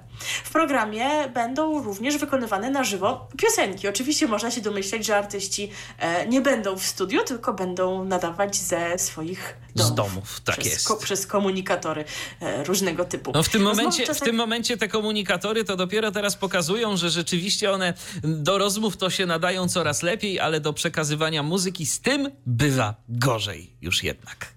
No, bywa, bywa różnie. E, rozmowy w czasach zarazy są emitowane od poniedziałku do piątku o godzinie 23, a każde wydanie trwa mniej więcej godzinę. E, w poniedziałek, kiedy ten program zadebiutował, e, zaczął się on o godzinie 22.35 i tak to z tymi godzinami jest różnie. Po to mówię te godziny, abyście wiedzieli, że to nie jest zawsze 23, a to tylko jakim tam wypadnie po filmie, serialu, czy co tam innego jest emitowanego w tym czasie. Na przykład we wtorek emisja była o północy, w środę i czwartek o 23.05, a w piątek o 23.30, 22.30, przepraszam. Także no jeżeli Wam zależy na tym programie, no to musicie śledzić ramówkę telewizyjnej jedynki, e, bo to tam program jest e, nadawany i no po prostu orientować się, o której e, godzinie dokładnie jest nadawany konkretnego dnia. No i takie to są propozycje, jeszcze nie wszystkie, jeżeli chodzi o te, które powstały specjalnie na czas epidemii. No i mówiliśmy już o tym, że słowo i muzyka są teraz transmitowane bardzo często przez internet, no bo wszyscy, którzy możemy, zostajemy w domu i artyści również to robią. No i skoro mamy program Bądźmy razem w domu, no to teraz taka właśnie piosenka nagrana przez e, artystów. Właśnie, możecie, jeżeli nie znacie piosenki, chociaż no może znacie, ale no to umówmy się, że jesteśmy uczciwi i bawią się ci, którzy nie znają piosenki i nie wiedzą, kto, nie, kto w niej śpiewa. Piszcie na naszym Facebooku, e, jakich wokalistów rozpoznaliście spośród tych, którzy w tej piosence występują, a nie wszystko jest tutaj takie łatwe do rozpoznania, bo niekoniecznie są to takie bardzo znane osoby, ale znane również również melodia, myślę, że bardzo znana, a hasło, które również bardzo często ostatnio się w mediach pojawia, czyli właśnie zostań w domu. Tak jest. I teraz tej piosenki posłuchamy. My też was namawiamy do tego, żebyście robili swoje i zostawali w domu. RTV. O radiu i telewizji wiemy wszystko. No i taka to ładna, przyjemna piosenka, której e, oryginalną wersję możecie usłyszeć na antenie Radia DHT. E, to tak na marginesie tylko dodam. Jeżeli macie ochotę posłuchać sobie pana Młynarskiego, to nas słuchajcie uważnie. Gdzieś tam na pewno e, kiedyś się z tą piosenką spotkacie. No i przypominamy, że w mocy jest nasza zagadka. Piszcie na Facebooku, kto tam śpiewa. Na żywo waszych odpowiedzi nie odczytamy, ale jeżeli ktoś odpowie, no to docenimy go, myślę, w kolejnym wydaniu, prawda? Owszem. I, przekaż i przekażemy nagrodę w postaci naszego dobrego słowa. Myślę, że tak to jest. nagroda zdecydowanie warta wiele. E, kolejna pozycja programowa, która nie pojawiłaby się, gdyby nie ta szczególna sytuacja. No właśnie, powiedzieliśmy, że artyści też przebywają w domach, nagrywają się z domu. E, wielu trans transmituje swoje koncerty realizowane ze swoich domów, tak jak Urszula swój koncert, który zrealizowała ze swojej piwnicy i jako, że fanką Urszuli nie jestem, no to mogłoby, mogłoby się wydawać, że nie będę tego oglądać, ale muszę powiedzieć, że to było naprawdę fajne. Także y, mam nadzieję, że pani Urszula jeszcze coś kiedyś tam tak zaśpiewa ze swojej piwnicy. E, natomiast nie o niej tym razem, bo TVP postanowiło jednak trochę złamać ten trend. Mimo, że się mówi o zakazie zgromadzeń, o zostawaniu w domu, to e, TVP postanowiło zainaugurować e, nowy cykl muzyczny, który się nazywa Muzyka na dobry wieczór, który emitowany będzie w soboty o godzinie 21.35 i są to koncerty, ale nie nagrywane u artystów w domu, tylko w studiu Podobno jest to największe studio, jakie TVP ma do dyspozycji, więc e, zachowane zostają ponoć wszelkie środki ostrożności i odległości pomiędzy osobami pracującymi przy koncercie. No ale co, no przecież, przepraszam, ale wokaliści nie będą śpiewać w maseczkach, prawda? Więc e, no moim zdaniem tak średnio, tak średnio bym powiedziała, jak to się mówi. E, także no moim zdaniem to jest takie średnio rozsądne, bo przecież przy każdym takim koncercie pracuje ileś tam osób. To nie jest tylko jeden wokalista, ale muzycy. On, oni też mają często gości, jak się zaraz okaże, o czym wam opowiem. E, no i cała ekipa, która musi zrealizować ten koncert, więc moim zdaniem to jest no naprawdę średnio rozsądne i byśmy się obyli bez tych koncertów. A jeżeli się okaże, że któryś z muzyków, czy też muzyków, czy też twórców e, będzie zakażony koronawirusem, no to myślę, że nie będą wszyscy tak uśmiechnięci. Oczywiście rozumiem, że wiele programów musi być realizowanych jak programy informacyjne, ale i tam no, wszelkie środki ostrożności są zachowywane, no ale program informacyjny versus program muzyczny, no to nie muszę mówić, co jest tutaj Poza tym nawet i w programie. Co można sobie odpuścić. Poza tym nawet i w programie informacyjnym można zminimalizować ilość e, ludzi zaangażowanych w tworzenie takiego programu. No naprawdę są rzeczy ważne i ważniejsze. E, nie, nie trzeba się bawić w jakieś animacje e, z wirtualnego studia chociażby, tak. No właśnie, tak, tak to widzę. E, tydzień temu ten pierwszy koncert się pojawił, nas tydzień temu nie było, ale też nie ukrywam, że mam wrażenie, iż ta inicjatywa nie była za bardzo promowana w portalach medialnych, albo też mi coś umknęło. I o tym koncercie sobotnim przeczytałam w piątek późnym wieczorem, więc gdybyśmy mieli jeszcze zebrać jakieś inne informacje, które już wtedy mieliśmy, ale było ich nie za dużo, plus jeszcze to, no to mielibyśmy dość mało czasu na przygotowanie te, tego programu wówczas, dlatego przepraszamy, że nie powiedzieliśmy Wam o tym od razu i że nie wiedzieliście tydzień temu, że jest ten koncert. Być może, chociaż no, może niektórzy wiedzieli, na przykład oglądają TVP i widzieli jakąś reklamę. E, albo czytają stronę Bądźmy Razem TVP na Facebooku, która o tym poinformowała. Także przepraszamy za to, że nie wiedzieliście, no ale to nie jest nasza wina do końca, aczkolwiek czuję się usprawiedliwiona, bo koncert z zeszłego tygodnia jest dostępny oczywiście w serwisie VOD TVP.pl, TVP.pl. Tam można tego posłuchać i fragmenty są również na YouTubie. A kto wystąpił? Wystąpił zespół Pectus, e, który E, jakiś czas temu wziął na warsztat teksty wspomnianego przed chwilą Wojciecha Młynarskiego, ponieważ w ręce muzyków wpadły teksty z archiwów e, tego słynnego autora, do których dotychczas nie powstała muzyka.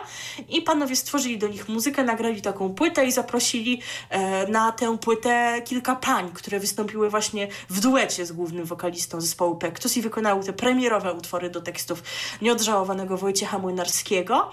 I mm, na tym koncercie oczywiście no, nie pojawiły się wszystkie te panie, no bo na przykład na płycie jest Kaja między innymi, z tego co kojarzę, a tutaj e, mieliśmy z tego co pamiętam panią Halinkę Młynkową i zespół Tulia, no więc tutaj już trudno mówić o duecie, a raczej o współpracy e, dwóch zespołów, tak więc to był ten koncert tydzień temu, a dzisiaj muszę uważać, żeby się nie pomylić, bo przecież u nas jeszcze piątek cały czas.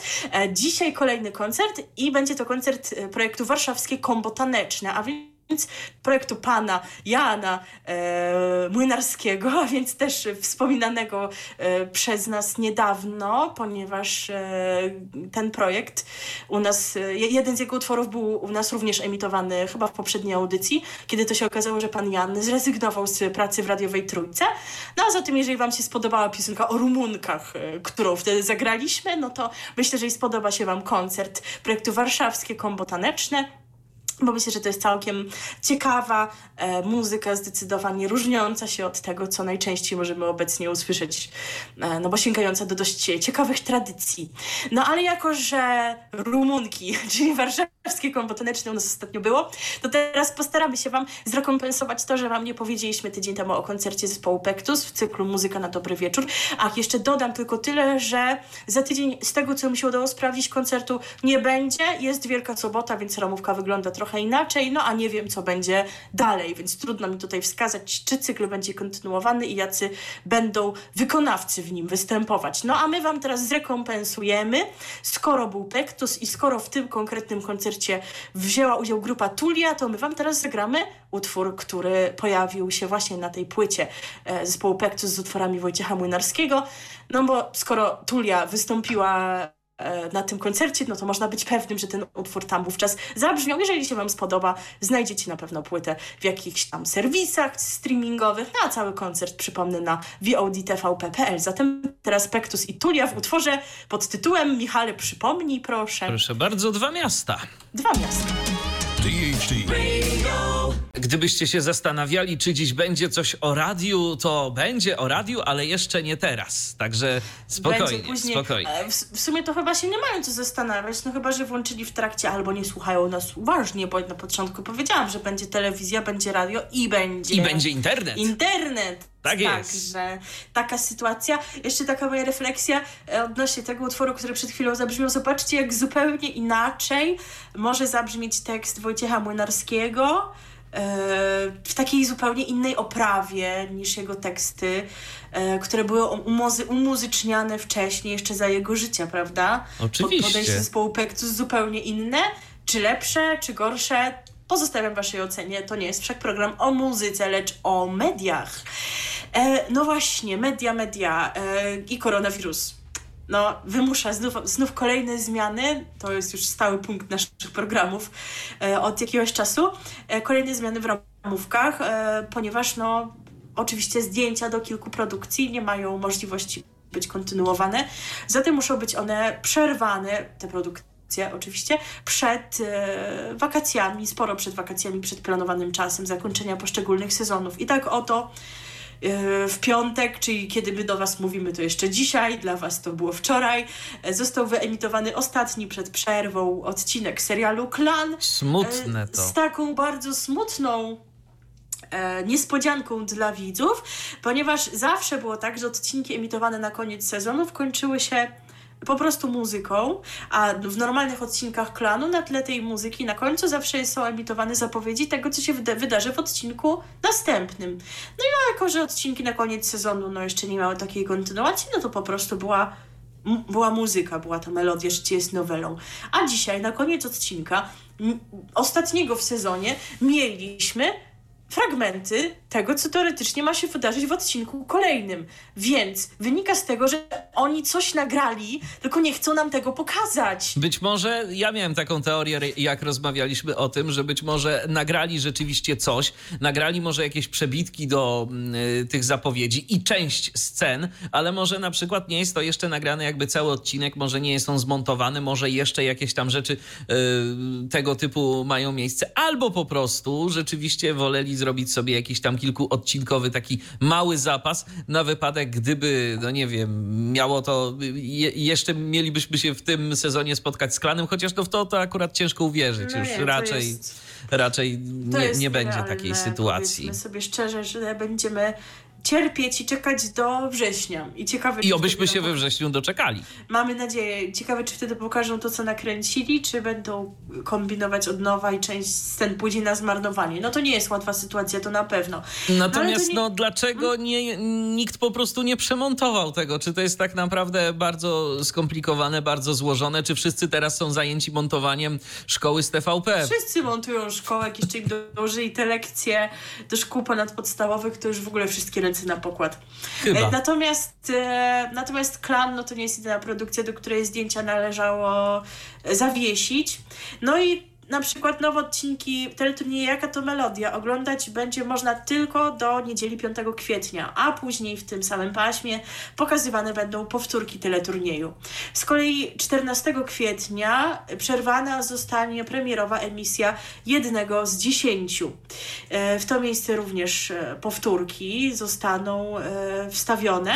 Z kolei trzy dni później przerwana zostanie emisja Korony Królów. I z Koroną Królów ma być tak, z tego co wiem, oczywiście TVP lubi zbierać decyzje, ale na ten moment, że mm, w przyszłym tygodniu będziemy mieli po dwa odcinki Korony Królów, a więc jeden z odcinków będzie zawsze w miejsce klanu. Taka sytuacja, no i tak będzie do tego 17 kwietnia. Oczywiście wiadomo, że pewnie tam z przerwą jakąś wielkanocną, tutaj, tutaj jeszcze nie znam dokładnych szczegółów, czy w poniedziałek wielkanocny obejrzymy, czy nie, bo tym było różnie w różnych latach. Natomiast co się stanie po 17 kwietnia? Otóż te produkcje obie zastąpi hiszpański serial zatytułowany Velvet. E, tak, także tak, tak to wygląda. E, informacja, której mam wrażenie, że nie przekazałam w ostatnim wydaniu, więc pozwolę sobie ją szybko nadrobić, odnośnie programu Dance, Dance, Dance. Bo to już było wiadomo, ale chyba o tym nie powiedziałam. Tam wygląda sytuacja w ten sposób, że nagrano do przodu kilka odcinków. E, i, no ale nie, nie cały sezon, bo ten program nie jest na żywo, wbrew temu, co by się mogło niektórym wydawać. To takie wielkie widowisko, ale jednak nie na żywo. I te odcinki są emitowane, ale są dzielone na pół. Czyli w jednym tygodniu, powiedzmy, mamy odcinek, nie wiem, załóżmy piąty, no, jakiś taki numer sobie wymyśliłam, bo tego nie oglądam i nie wiem, który to teraz. Więc mamy pierwszą połowę odcinka piątego z duetami, a w następnym solówki z odcinka piątego i tak potem odcinek szósty. To się jakoś miało w połowie kwietnia chyba skończyć, więc nie wiem, co będzie dalej. No na pewno nie będzie zdjęć, przynajmniej na razie, do odcinków kolejnych. No i e, przypomnijmy jeszcze, że w połowie kwietnia miał ruszyć kolejny projekt e, dwójki pod nazwą Ameryka da się lubić, czyli bazowany program na Europie da, dającej się lubić. E, ale już tutaj nie z panią Moniką e, Zamachowską, wcześniej Richardson, tylko z Idą Nowakowską w roli prowadzącej. E, informacja o tym się pojawiła chyba w dzień, kiedy już te obostrzenia pierwsze zostały wprowadzone. No i wtedy jeszcze się wydawało, że uda się ten program nagrać, no ale teraz no to myślę, że to nie jest realne. Chociaż jeśli telewizja polska nagrywa muzykę na dobry wieczór, no to już mi Wiele rzeczy może się wydarzyć. Tak, jeszcze. tak. Może też uznają, że nagrają to w dużym studiu i że nic nikomu nie będzie. E, to tyle, jeżeli chodzi o telewizję polską. Mam nadzieję, że o niczym nie zapomniałam. Strasznie dużo dzisiaj było o nich. Ale e, pewne zmiany programowe również w telewizji TVN7. E, ponieważ również chyba Wam tego nie zdążyliśmy przekazać jeszcze, że program Hotel Paradise e, którego pierwsza e, seria jest obecnie emitowana, e, miał się niedługo doczekać z serii kolejnej, która miała być emitowana od razu po tym, jak się skończy pierwsza. Czyli po jej finale w piątek, już w poniedziałek 20 kwietnia, mieli pokazywać e, serię drugą, e, ale nie dojdzie to do skutku. Nie będziemy mieli teraz tej drugiej serii, co również nie jest zaskakujące. E, w udostępnionej przez nadawcę ramówce drugi sezon Hotel Paradise został zastąpiony pasmem filmowym. Od poniedziałku do czwartku to konkretnie się dzieje, że będą filmy. Natomiast w piątki o godzinie 20 telewizja TVN7 pokaże program Ślub od pierwszego wejrzenia, wcześniej imitowany o 21. O tym ślubie jeszcze zaraz będzie. No właśnie, może jesteście zaskoczeni, czemu ja tutaj mówię ślub do pierwszego wejrzenia, przecież on miał być w TVN, a nie TVN7. Zaraz wyjaśnię. E, nadawca zrezygnował także z dalszej emisji premierowych odcinków e, produkcji paradokumentalnej Szkoła i to już się stało w tym tygodniu, bo od 30 marca stacja o godzinie 18 pokazuje amerykański serial komediowy Przyjaciele, więc wielki hicior. Jak ktoś chce sobie powspominać, to warto, to może. ale przypuszczam... Szczególnie, że nie ma klanu. Ale przypuszczam, że jest wersja lektorska niestety. No na pewno tak to nie ma się co oszukiwać. Chociaż wiesz, teraz TVN, teraz TVN, Kanal Plus, to wszystko gdzieś tam powiedzmy pod jednym brandem, to może, może. No ale mieli to, co mieli, oni już to pokazywali milion razy, to co sobie będą kombinować. Już pewnie wszyscy zapomnieli, że była inna wersja. E, ponadto 23 kwietnia siódemka zakończy emisję seriali 19 Plus oraz Zakochani po uszy, a więc to miało się skończyć w, w czerwcu, skończą się teraz. Swoją drogą, tylko krótka uwaga, moim zdaniem serial Zakochani po uszy jest kontynuowany zupełnie niepotrzebnie i mógłby nie być. I byłoby to z korzyścią dla wszystkich, dlatego że to po prostu teraz nie jest dobre i jest... Na... Nigdy oczywiście nie było jakąś wybitną produkcją, natomiast może być produkcja niewybitna, ale no taka przyjemna, może już być no, robiona na siłę. E, robiona na siłę i tak mam wrażenie, że jest tutaj, oglądam z przyzwyczajenia, ale chyba się cieszę, że to się skończy w kwietniu, e, bo będzie spokój z tym. E, no właśnie, o tym ślubie od pierwszego wejrzenia. Wspominałam, przypomnę w ostatnim programie, że zostanie zawieszona emisja serialu Kod Genetyczny w stacji TVN, emitowanego w poniedziałki o 21.30 i że w jego miejsce pojawi się program Ślub od pierwszego wejrzenia przeniesiony z TVN 7. E, a że w ten weekend poprzedzający te zmiany, które się miała dokonać 31 marca, chyba dobrze liczę, e, że, że, w ten, że w ten weekend poprzedzający zostaną emitowane w TVN-ie poprzednie odcinki ślubu od pierwszego wyjrzenia. I one rzeczywiście zostały tam wyemitowane, a w poniedziałek się okazało, że jednak ta zmiana jest nieaktualna, bo jak to na koniec y, odcinka Milionerów powiedział lektor, wsłuchujemy się w wasze głosy.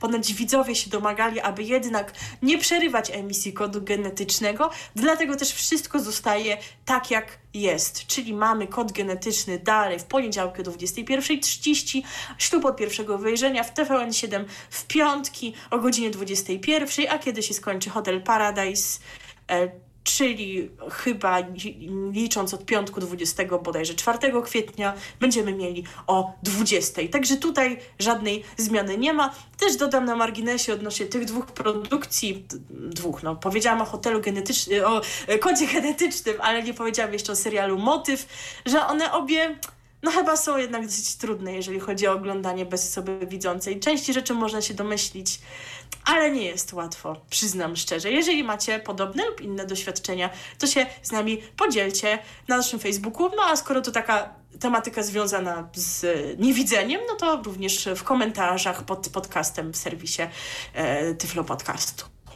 Tak jest. I jeszcze tak na marginesie mm, tych kwestii związanych z oglądalnością i tak dalej, i tak dalej, to ostatnio wyczytałem, co zresztą wcale mnie nie dziwi, absolutnie, że wszystkim tak naprawdę spada oglądalność. Mówię tu o głównych antenach y, telewizyjnych, ale zgadnij, komu rośnie. Stacjom informacyjnym. Oczywiście, że tak. Wygrałam. tak. I to brawo. Dobre słowo. No co? No Myślałam, to... że w końcu ten tort. Nie, no Okej, okay, wygrałaś możliwość zrobienia torta, y, jak się skończy epidemia koronawirusa. ostatnio przeczytałam e, relację, zresztą ci wczoraj podesłałam relację tak jednego z lewicowych publicystów, Łukasza Najdera, który pisał, że jego żona e, w czasie e, zarazy zajmuje się odtwarzaniem dawnych receptur na torty i zrobiła mu ostatnio tort czekoladowy z migdałami. Podesłał nawet link do przepisu. Mówi, że zaleca. Także jeżeli jesteście zainteresowani przepisem, to no, możemy wam gdzieś tam link odkopać i podrzucić. To, to taka mała kulinarna wzmianka w audycji o mediach, ale wracamy do tematyki mediów, bo kulinaria to teraz będzie biznes. Teraz będzie biznes. No, biznes y, kulinarny to teraz jak się nie przekształcił i nie przełączył w wszelkiego rodzaju dowozy, to cienko wszędzie. Ale mm, Biznes 24 niedawno ruszyła, mm, ta stacja telewizyjna, no i chyba y, na razie jakoś tam funkcjonują. A oprócz tego, że funkcjonują, to dostępni są za darmo. Już y, w zeszłym programie mówiliśmy o tym, że są dostępni z kilku y, nadajników, no to jeszcze warto to rozszerzyć, że dostępni są także z innych lokalizacji, mianowicie Szczecin, Wrocław i Radomsko też są dostępni w paśmie y, naziemnym, niekodowani są. Jeżeli ktoś ma ochotę obejrzeć y, program Biznes 24, nad którym merytorycznie czuwa Roman Młotkowski, no to myślę, że jest okazja, bo ten program prędzej czy później będzie zakodowany. Będzie go można oglądać tylko i wyłącznie po uiszczeniu odpowiedniej opłaty, więc jeżeli chcecie teraz sobie to pooglądać, bo macie na przykład więcej czasu, siedzicie w domach, to jest okazja, żeby mm, tego dokonać. No a teraz gramy. Teraz będzie najlepszy artysta w tym kraju. Tak Mieliśmy jest. przed chwilą o lewicowym publicyście, a teraz będzie prawicowy publicysta i muzyk. To jest to, co niektórzy nazywają symetryzmem, a my to nazywamy ob obiektywizmem. E, no bo jak jest dobry artysta, no to czemu by go nie docenić? A pan Rychu? To... Pan Rychu nie próżnuje. Już wam w ostatnim programie prezentowaliśmy jego pierwszy utwór e, nagrany w tej szczególnej sytuacji, czyli Koronawirus Blues. I pan Rychu e, u, kolejne utwory nagrywa z tym związane. On to jakoś nazwał Scena, nie pamiętam, kwarantanny, czy jakoś tak. Wszystko oczywiście jest u niego na Facebooku, na Twitterze, na YouTubie. I nagrał jeszcze dwa utwory. Drugi utwór się nazywa Wielki Test, a my wam zagramy ten kolejny, ale jak dokładnie się nazywa i o co w nim chodzi, no to chyba nie musimy mówić, bo pan Rychu sam się pięknie przedstawi. RTV. O radiu i telewizji wiemy wszystko. Czujesz się pokrzepiona piosenką pana Rycha? Jak słyszę pana Rycha, to zawsze się czuję pokrzepione.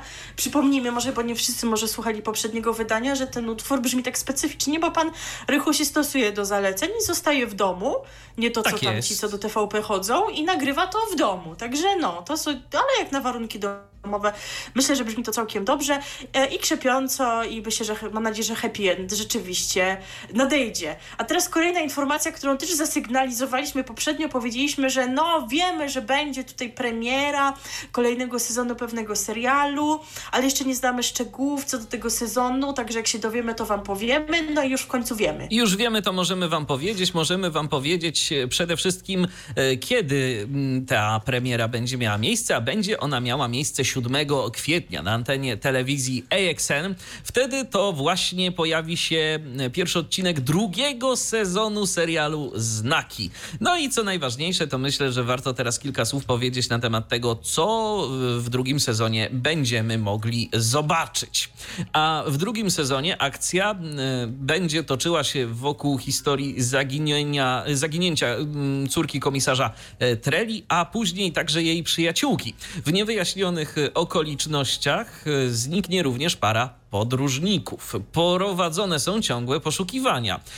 Śledztwo jednak, jednak zbacza z torów, gdy komisarz dowiaduje się, kto odpowiada za zaginięcie jego jedynego dziecka. No to rzeczywiście może być interesująco, natomiast y, teraz y, zapewne wszyscy się będą zastanawiać o co chodzi, ale tak przez chwilę tylko, bo w tle pojawi się wątek zbliżających się wyborów. Ale nie, Matko. nie tych, nie tych. Bo wyobraź sobie, że w Sowich Dołach pojawi się tajemniczy mężczyzna, który proponuje wsparcie kampanii wyborczej burmistrza. Czyli nie te wybory, co tam one będą albo nie będą w maju, y, ale takie lokalne wybory. Jednak y, Paszkę pewnych, y, pewny swojej pozycji odmawia, nieświadomy konsekwencji takiej decyzji.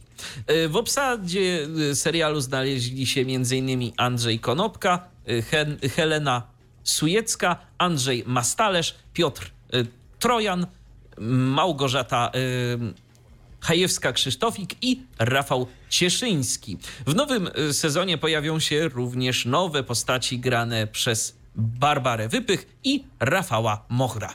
Yy, przypomnijmy jeszcze tylko tak króciutko, że Znaki to serial yy, będący połączeniem yy, kryminału z elementami mystery i jeszcze w dodatku thrillera obyczajowego. Także rzeczywiście, jeżeli ktoś się interesuje tym, E, jeżeli ktoś lubi tego typu produkcje, no to myślę, że oglądać będzie co, zwłaszcza jeżeli oglądał pierwszy serial. Mm, pie, pie, pierwszy sezon, tak, pierwszy sezon. Tak. Który mieliśmy chyba Ha, półtora no, roku temu? Jakiś czas jakoś, temu, tak. Jakoś tak. tak. pamiętam, że to jesienią była, nie, nie, poprzedniego roku, więc wychodzi na to, że jeszcze poprzedniego. Także, no ale tak z reguły nad już takimi porządnymi produkcjami praca rzeczywiście tyle trwa.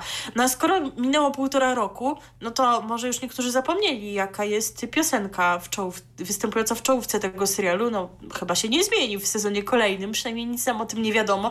I ja się dopiero teraz zorientowałam, że tak się to ułożyło wszystko, że u nas ponownie dzisiaj Tulia.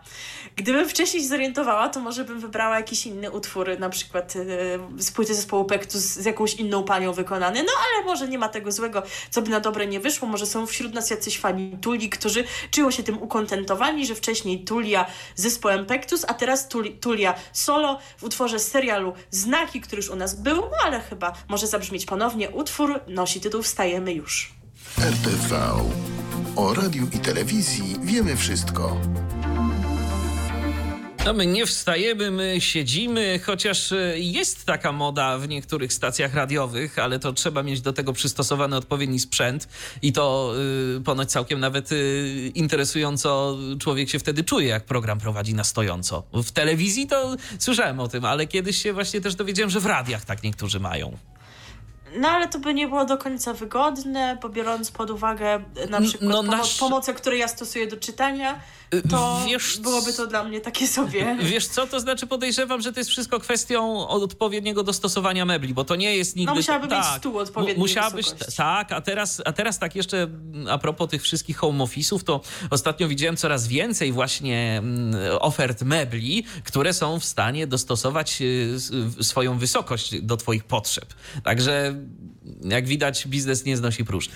Słuchajcie, o wszystkim to dzisiaj było. O jedzeniu, o biznesie, o meblach Boję się, jakie tutaj tematy się dzisiaj jeszcze pojawią, niezwiązane z mediami, e, ale chyba nie będzie zespołu Tulia, nic mi o tym nie wiadomo. Chyba ale nie. będą teraz inni muzycy i to rzeczywiście temat muzyczny, ale e, możemy już chyba oficjalnie ogłosić, że zamykamy blok telewizyjny i otwieramy blok radiowy, a informacji przed nami jeszcze sporo, więc mimo, że taki okres wydawałoby się, że no koronawirus, wszyscy siedzą w domach, nic się nie dzieje, to szykuje nam się chyba jakieś najdłuższe wydanie w Może właśnie tego dlatego, programu. że wszyscy siedzą w domach, to wiesz, to jednak... No No. I że mimo, że nic się nie dzieje, to jednak sytuacja wymaga pewnych szczególnych środków i pewnych rzeczy, których byśmy nie mieli. A niektórzy nie właśnie, tak zaspoiluję już troszeczkę, niektórzy właśnie, u niektórych się coś dzieje właśnie dlatego, że siedzą w domach, ale o tym będzie później. Ale o tym będzie później. Y, biegniemy dalej, bo y, dużo mamy do powiedzenia, także cierpliwości, kochani słuchacze, drodzy nasi, bo jeszcze sporo przed nami dzisiaj. Blok radiowy rozpoczynamy właśnie od tematu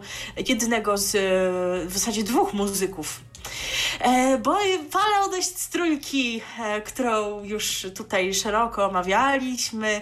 Przypomnijmy, że nie ma pani Anny Gacek, Wojciecha Mana, Gaby Kulki, Jana Młynarskiego i Jana Chojnackiego. I teraz już nie ma kolejnych dwóch e, osób, pana Wojciecha Waglewskiego i jego syna Bartosza Waglewskiego, występującego pod pseudonimem Fish. Ci panowie prowadzili we wtorki program zatytułowany Magiel Wagli i Magiel się już nie pojawi na antenie trójki. E, o tej rezygnacji poinformowali panowie w poście, który, który umieścili w grupie fanów audycji Magiel Wagli, w grupie na Facebooku. No i w tym poście wytłumaczyli, że um, odejście tych pięciu wspomnianych przeze mnie osób z radiowej trójki zubożyło znacząco tę ofertę stacji. Nie da się ukryć. No, szczególnie jakby dało im do myślenia to, w jakim stylu zwolniono Annę Gacek. No i mimo tego, że dalej w Trójce jest wiele bogatych osobowości i wiele dobrej muzyki można tam usłyszeć, no to jednak panowie już uznali, że to nie jest miejsce dla nich. No ale oczywiście, jak to zwykle się pisze w takich sytuacjach, no ale na pewno tak myślą, jak napisali. Są wdzięczni za ten czas, cieszą się z nawiązanych tam znajomości. No i mają nadzieję, że wkrótce, e, kiedy już ta zaraza ustanie, zobaczą się ze swoimi fanami, na przykład na koncertach. E, ostatnia audycja Magiel Wogli została wyemitowana 10 marca. E, no teraz przypomnijmy, że i tak mamy ramówkę w innym kształcie niż normalnie, bo są te 5-6 godzinne bloki, więc trudno powiedzieć, co tam się dokładnie w tym miejscu pojawi. A myślę, że warto jeszcze dodać, że e, audycja Magier Wagli była obecna w e, trójkowej ramówce od roku 2008, ale to nie był debiut tych panów w radiu, ponieważ wcześniej związani byli z Radiem Roxy. Tak było przecież kiedyś takie radio jak Radio Roxy, obecnie Rock Radio i jeszcze za czasów Radia Roxy tam rzeczywiście było kilka audycji autorskich prowadzonych przez znane muzyczne osobowości. Tam była pani Maria Peszek chyba, był e, pani Kasia Nosowska jeszcze którymś z członków zespołu Hej. No i jak widać państwo waglewscy też się przez to e, radio przewinęli. No ale potem zagrzali sporo miejsca, e, sporo czasu w Trójce. No to cóż, skoro pan Wojciech Waglewski i pan Bartosz Fisz-Waglewski, no to są osoby, którym muzyka nie jest obca, no to nie możemy teraz uczynić inaczej, jak tylko zagrać utwór z ich repertuaru, a tak się składa, że mają na swoim koncie wspólnie nagraną płytę. E, wystąpił na niej również drugi syn pana Wojciecha Waglewskiego, występujący pod pseudonimem MAD. Ta płyta nosi tytuł Męska muzyka i usłyszymy teraz tytułowy utwór z tego wydawnictwa, który o ile dobrze pamiętam, nie jestem pewna, ponieważ jakoś tak magla nie słuchałam za bardzo, ale wydaje mi się, że on był jinglem właśnie do audycji Magiel Wagli, więc tam się tym lepiej ułożyło. Wcześniej radiowo wspólnie, a teraz wspólnie muzycznie panowie waglewscy i męska muzyka. Muzyka na każdą pogodę. To właśnie radio DHT. Z radia nomen omen publicznego przechodzimy do radia komercyjnego i konkretnie do Radia Z, do Eurozetu. E, ale zanim do Radia Z, to jeszcze malutka wzmianka o innej stacji radiowej, ale potem już obiecujemy rzeczywiście, że będzie nieco dłużej o Radio Z. Tak. Ale najpierw krótka wzmianka o stacji RMF Classic, bo tam już nie usłyszymy pani Magdy Miśki-Jackowskiej, która z radia odeszła. No, jak tłumaczy, dojrzewała do tej decyzji, miała potrzebę dokonania zmian w swoim życiu, no więc taki komunikat, który w zasadzie niewiele e, nam mówi, ale no nie ma tu takiej atmosfery skandalu czy czegoś takiego, jak to w Trójce, no tylko po prostu taką pani Magda po podjęła decyzję. No, znamy ją z fani stacji RMF Classic, znają ją z licznych audycji, między innymi z listy przebojów muzyki filmowej, którą pani Magda stworzyła. Oprócz tego udziela się jako konferencjerka na różnych imprezach kulturalnych, w tym również na festiwalu e, muzyki filmowej no i również chyba jest związana z jakimiś uczelniami wyższymi, gdzie również prowadzi wykłady. No i ty, na tych polach nadal będzie aktywna, a na jakich jeszcze i czy radiowo, to zobaczymy. E, no a teraz rzeczywiście, jak Michał zasygnalizował, to tak być musi, E, Radio Z. Już jakiś czas temu się pojawiła pewna audycja, o której Wam nie powiedzieliśmy, ale no teraz myślę, że jest ku temu okazja, ponieważ ona e, w obecnej sytuacji zyskała bardziej rozbudowany kształt. E, mam na myśli e, audycję, która się nazywa W Waszej Sprawie i prowadzi ją pani Justyna Czbik-Kluge. E, jest to program interwencyjny. Pani Justyna zaprasza słuchaczy do zgłaszania spraw i problemów na stronie radioz.pl, a wybranie z, wybrane z nich zostaną poruszone na antenie Radia Z. E, I czy tobie czegoś to nie przypomina? Dzwonię do pani, pana w bardzo Tak nietypowej jest. sprawie. Oczywiście. Oczywiście. Nie ma A przypadków. przynajmniej tej drugiej formuły, bo mm, pierwsza formuła y, tego programu to była taka bardziej rozrywkowa i trzeba. Tak. I tak, y, Janusz Weiss to był pierwszy człowiek, który robił tak zwane wkręty. Zanim Tak to się było. stało modne. Zanim robił to wojewódzki z Figurskim. Tak. Ale tutaj rzeczywiście mamy nawiązanie do tej formy, co zresztą przejawia się również w czasie emitowania audycji, bo że tak powiem w czasie takim normalnym, kiedy jeszcze nie było pandemii, epidemii, jak to zwał, tak zwał, to e, ten program był emitowany po godzinie 13 i był takim kilkunasto... E, była to taka kilkunastominutowa audycja, więc rzeczywiście nawet czas się zgadza Owszem. z tym, jak to wyglądało, kiedy jeszcze pan Janusz Weiss był w Radiu Z, a teraz program jest obecny między 12 a 14, więc no, zyskał taki rozbudowany czas. E, No i pewnie rzeczywiście jest to potrzebne, żeby mm, słuchacze mieli z kim porozmawiać, poruszyć te ważne dla siebie w okresie e, pandemii problemy. No także przypuszczam, że taka forma nie zostanie, no bo przecież na antenie Radia Z musi być przede wszystkim dużo muzyki, Muzyka, a słowo, muzyka. słowo to tam no tyle co... Słowo musi- wieczorami ewentualnie. no tak, to tyle, co tam koncesja wymaga. No ale taką mamy obecnie sytuację, więc jeżeli ktoś chce, no to zachęcamy do słuchania, a jeżeli ktoś potrzebuje pisania na radioz.pl, może pani Justyna do was zadzwoni i omówi z wami e, ważne dla was sprawy. E, no to taka przyjemna informacja o Radio Z, ale mamy tutaj dwa w sumie trzy łącznie, prawda? Bo trzy odejścia e, dwóch osób związanych z jednym programem, no i jednej produkującej e, kolejny program. No to Michał Wam opowie o tym pierwszym programie. Tak jest. Jak poinformował press serwis z anteny Radia Z, po sześciu miesiącach spada audycja satyryczna Macieja Orłosia zatytułowana Z Express. Rozgłośnia nie przedłużyła Maciejowi Orłosiowi umowy. Taka jest decyzja zarządu. Jak zrozumiałem, nie jest to związane z jakością programu, tylko z ogólną sytuacją, tak powiedział e, dla press serwisu Maciej Orłoś. E, Umowa została zawarta do końca marca i nie zostanie ona przedłużona, tak e, z kolei potwierdza rzeczniczka Eurozetu Małgorzata Kozieł, m, podając powodu tej decyzji. Program Z Express nadawany w piątki po godzinie 17 zadebiutował mm, w Radiu Z we wrześniu 2019 roku. I tu właśnie a propos tej drugiej osoby y, współtworzącej tę audycję, to warto jeszcze wspomnieć, że Maciej Orłoś współtworzył tę audycję z mm, aktorem Michałem Zielińskim. E, I kolejne odejście. Po czterech latach pracy z Radiem Z pożegnał się Tomasz Michniewicz, autor audycji Mapa Świata. Dziennikarz swoje odejście uzasadnia chęcią większego zaangażowania w pracę pisarską i działania związane z tworzeniem dwóch nowych reportażowych formatów telewizyjnych, e, ale także potrzebą odpoczynku, o tym również mówi. Oprócz Mapy Świata e, prowadził również cykl W drogę, polecając ciekawe miejsca w Polsce.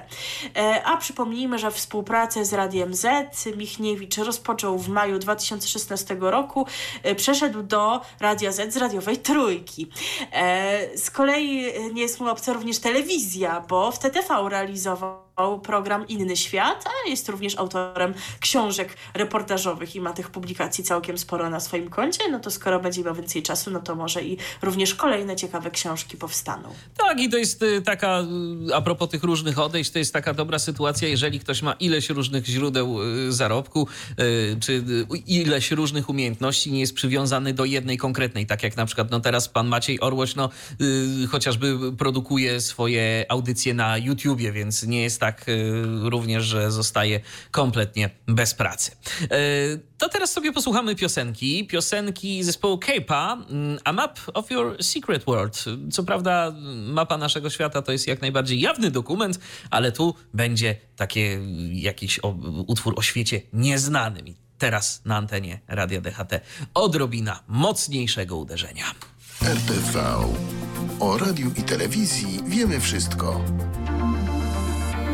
Rozbudowany to utwór. To taki utwór, którego e, usłyszeć szansę macie w pewnej stacji radiowej, tak sobie myślę, o której jeszcze dziś będziemy mówić, ale na pewno e, raczej szans nie macie mm, na usłyszenie go e, w stacji, o której będziemy mówić teraz. E, na pewno, bo teraz e, taki temat, no oczywiście związany z tym, co się dzieje, e, no bo temat koronawirusa nas nie ominie i nam tutaj się pojawia co chwilę. No bo w stacjach radiowych oczywiście również funkcjonowanie musi się różnić od tego, do jakiego ich pracownicy są przyzwyczajeni, przyzwyczajeni na co dzień. I to funkcjonowanie jest inne, wprowadza się pracę rotacyjną według zmienionych grafików, na przykład w stacjach z grupy radiowej Time. E, są również takie bloki trwające chyba poranek 4, a potem po 5 godzin. E, podobnie jest w Meloradiu, tam mamy chyba tylko dwa bloki, a więc takie dosyć długie one muszą być. E, w Muzo FM też mamy pracę rotacyjną, tam to jest w ten sposób zorganizowane, że pracownicy zostali podzieleni na trzy grupy, w jednym tygodniu pracują tylko ci z grupy pierwszej, i ramówka jest pod nich y, ułożona od poniedziałku do piątku. W kolejnym tygodniu od poniedziałku do piątku tylko grupa druga, e, a e, grupa trzecia, czyli w sumie tak naprawdę tylko dwie osoby obsługują weekendy. No i jakby co za tym idzie, grupy ze sobą się nie stykają, więc jest mniejsze zagrożenie, że gdyby coś się stało, no to że sporo, część, spora część redakcji byłaby zakażona. No właśnie, wspominałam już zresztą w poprzedniej audycji, że zakażenie się zdarzyło, jeżeli chodzi o członka zespołu PER24 i tam była taka sytuacja, że jako iż e, większość członków redakcji musiała w związku z tym udać się na kwarantannę, to przez kilka dni Polskie Radio 24 w ogóle nie emitowało programu na żywo. E, no, trochę Bo nie było, tak, jak to mówią, trochę, kim robić. Trochę to wygląda, no wiadomo, że słabo, bo stacja informacyjna w takiej szczególnie sytuacji, no powinna być tą, e, która sta, stoi na czele informowania, no a tam były jakieś powtórki, wypowiedzi z innych stacji i inne takie dziwne rzeczy. Z tego, co kojarzę, to chyba już jakoś to wróciło do normy, udało się przywrócić program.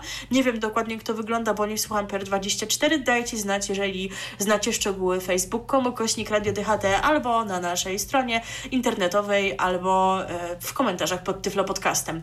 E, no ale e, potrzeba i sytuacja generuje to, że stacje radiowe wymyślają również specjalne programy, no nie ma tego dużo, bo w sumie na razie jeden taki znaleźliśmy, ale może będzie więcej. No i na ten pomysł właśnie wpadła stacja RMFFM.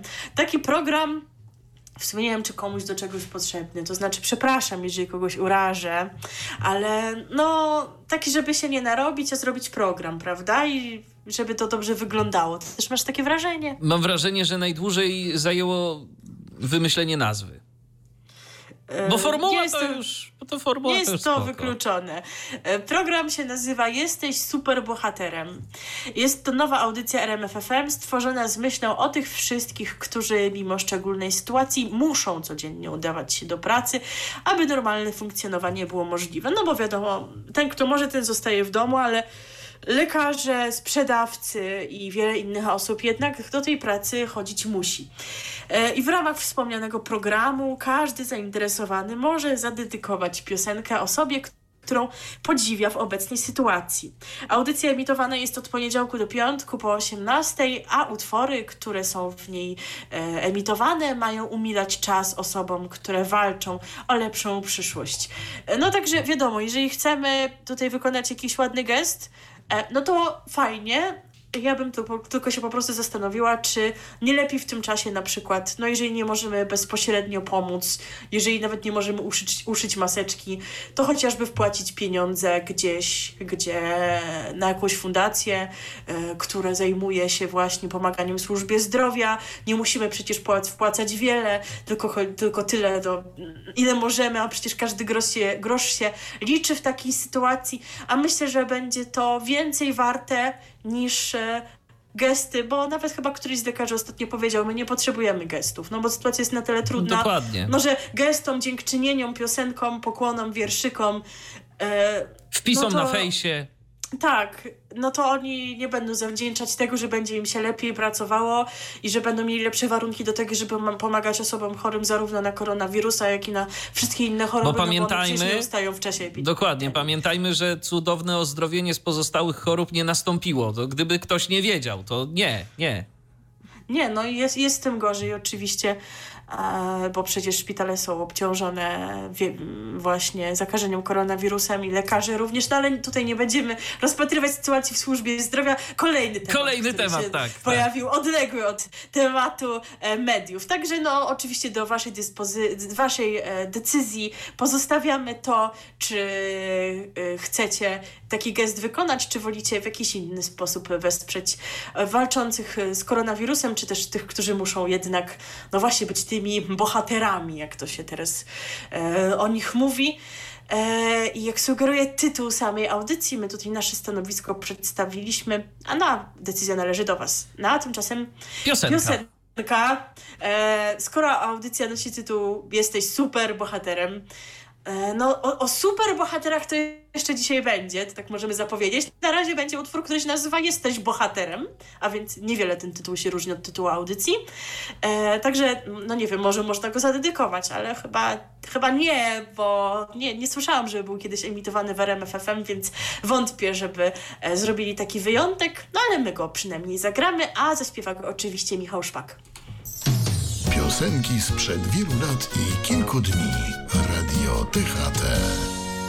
A my nadal w kwestiach radiowych. E, tak jeszcze na marginesie dodam tylko, że przed momentem e, zerknąłem na zegar i teraz już możemy śmiało powiedzieć, że nagrywamy e, te audycje dziś, w czasie, kiedy Jest będziecie 8 minut po północy. Tak, a my jeszcze siedzimy i nagrywamy ten program. I jeszcze posiedzimy troszkę. I jeszcze posiedzimy oczywiście, bo jeszcze kilka tematów jest do omówienia.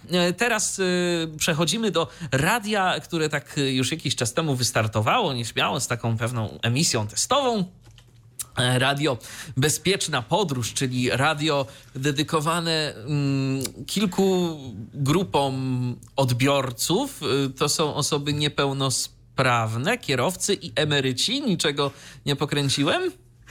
Chyba nie. Przypomnę tylko, że e, tutaj taka pokrętna logika została zastosowana, że wiele osób staje się niepełnosprawnymi w wyniku wypadków i dlatego to jest i do kierowców, i do niepełnosprawnych. Tego można było się dowiedzieć z materiału, który pokazał Polsat, który w pewnym momencie dość usilnie promował bezpieczną podróż. Nie wiem, czy o tym wspominaliśmy i nie wiem, czy to e, widzieliście, ale no rzeczywiście próbowano te stacje wypromować e, w, na antenie ogólnopolskiej Polsatu ale tam jeszcze wtedy się za wiele nie działo, a teraz się będzie działo już więcej.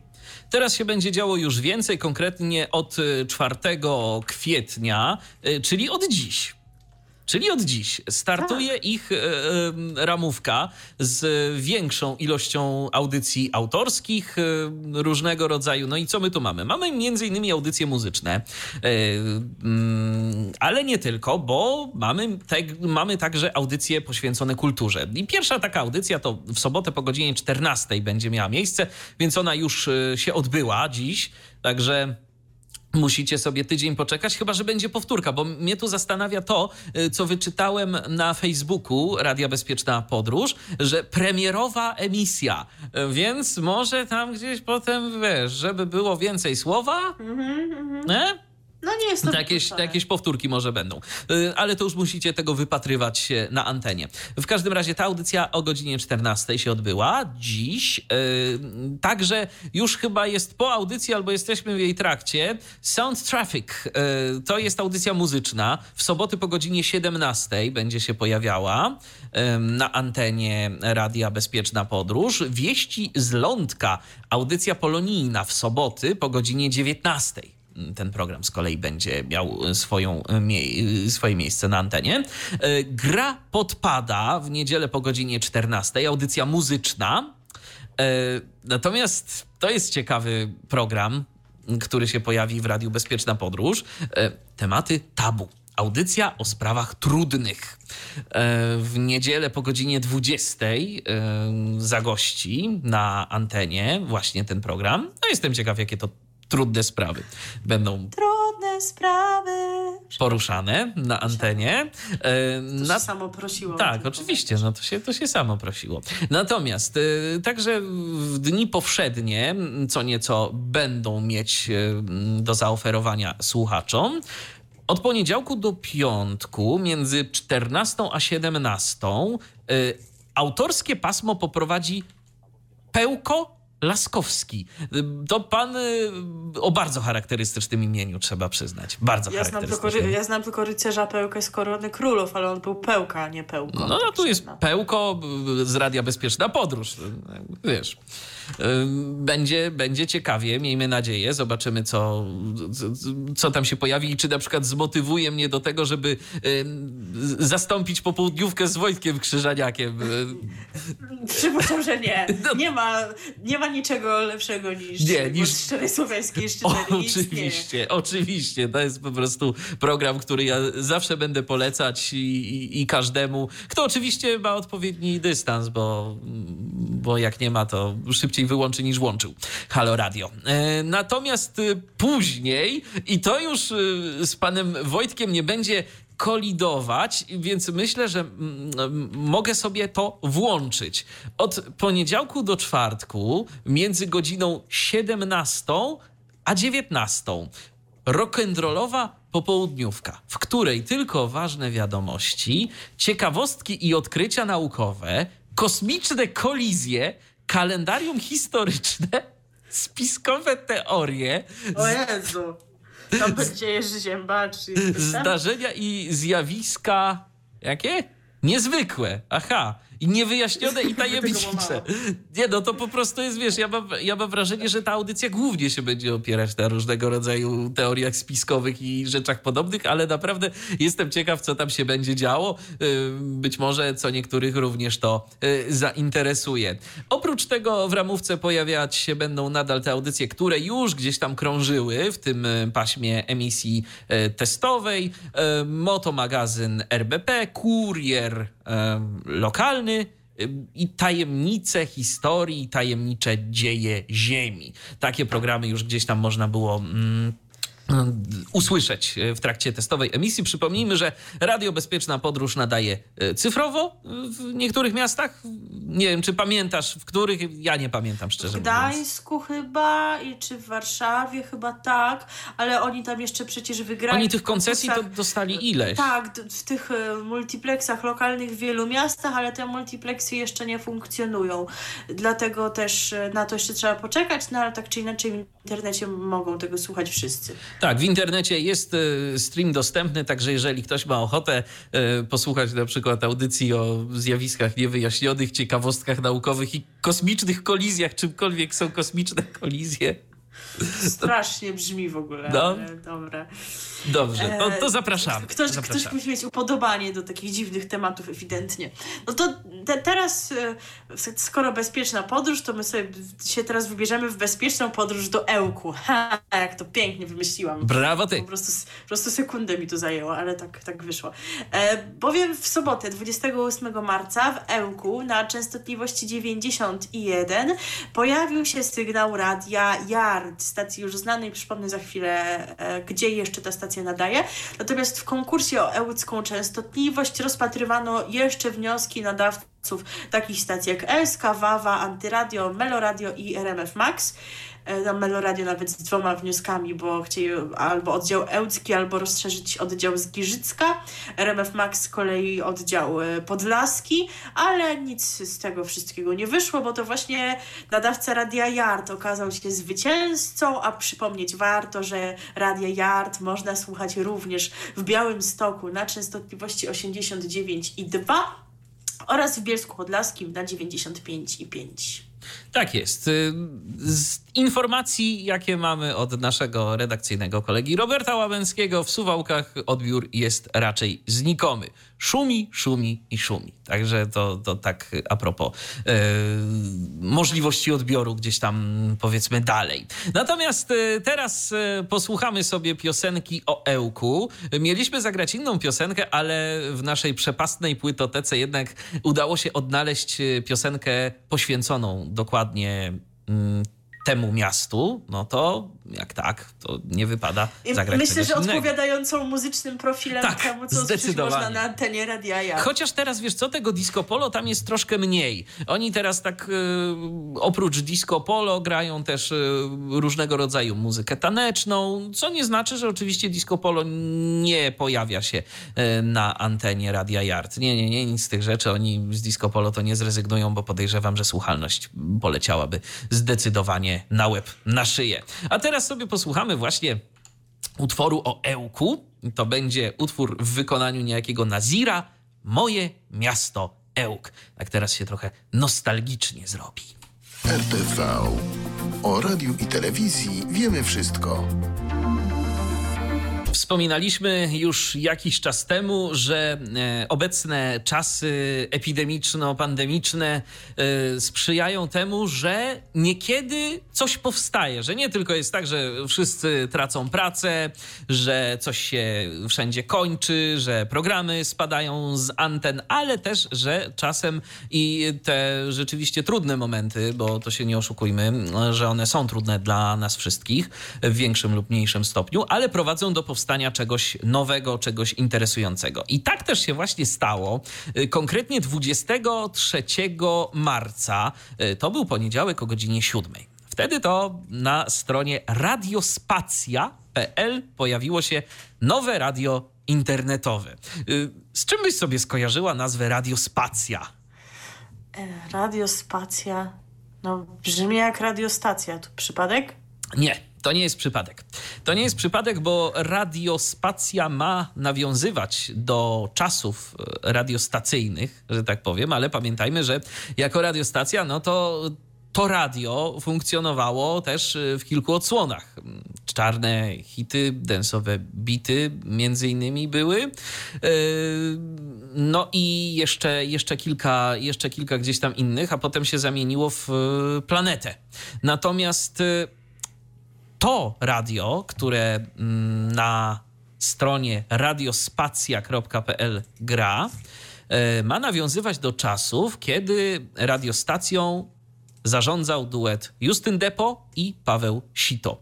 O panu Justynie nic nie wiadomo, czy jest w jakikolwiek sposób zaangażowany e, w rozwój tego projektu, natomiast wiadomo, że Paweł Sito to jest e, osoba, która wszystko ruszyła.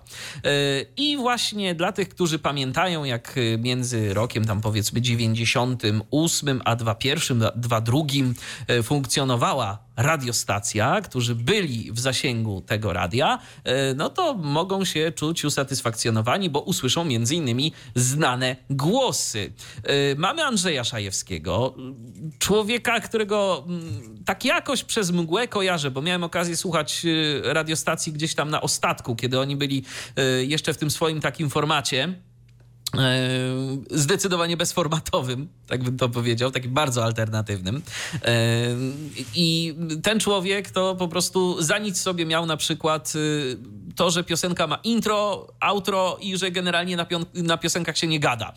Andrzej Szajewski po prowadził poranki i charakterystyczne dla jego poranków było to, że on sobie po prostu gadał, kiedy chciał na tych piosenkach. I tak robi teraz. Na przykład.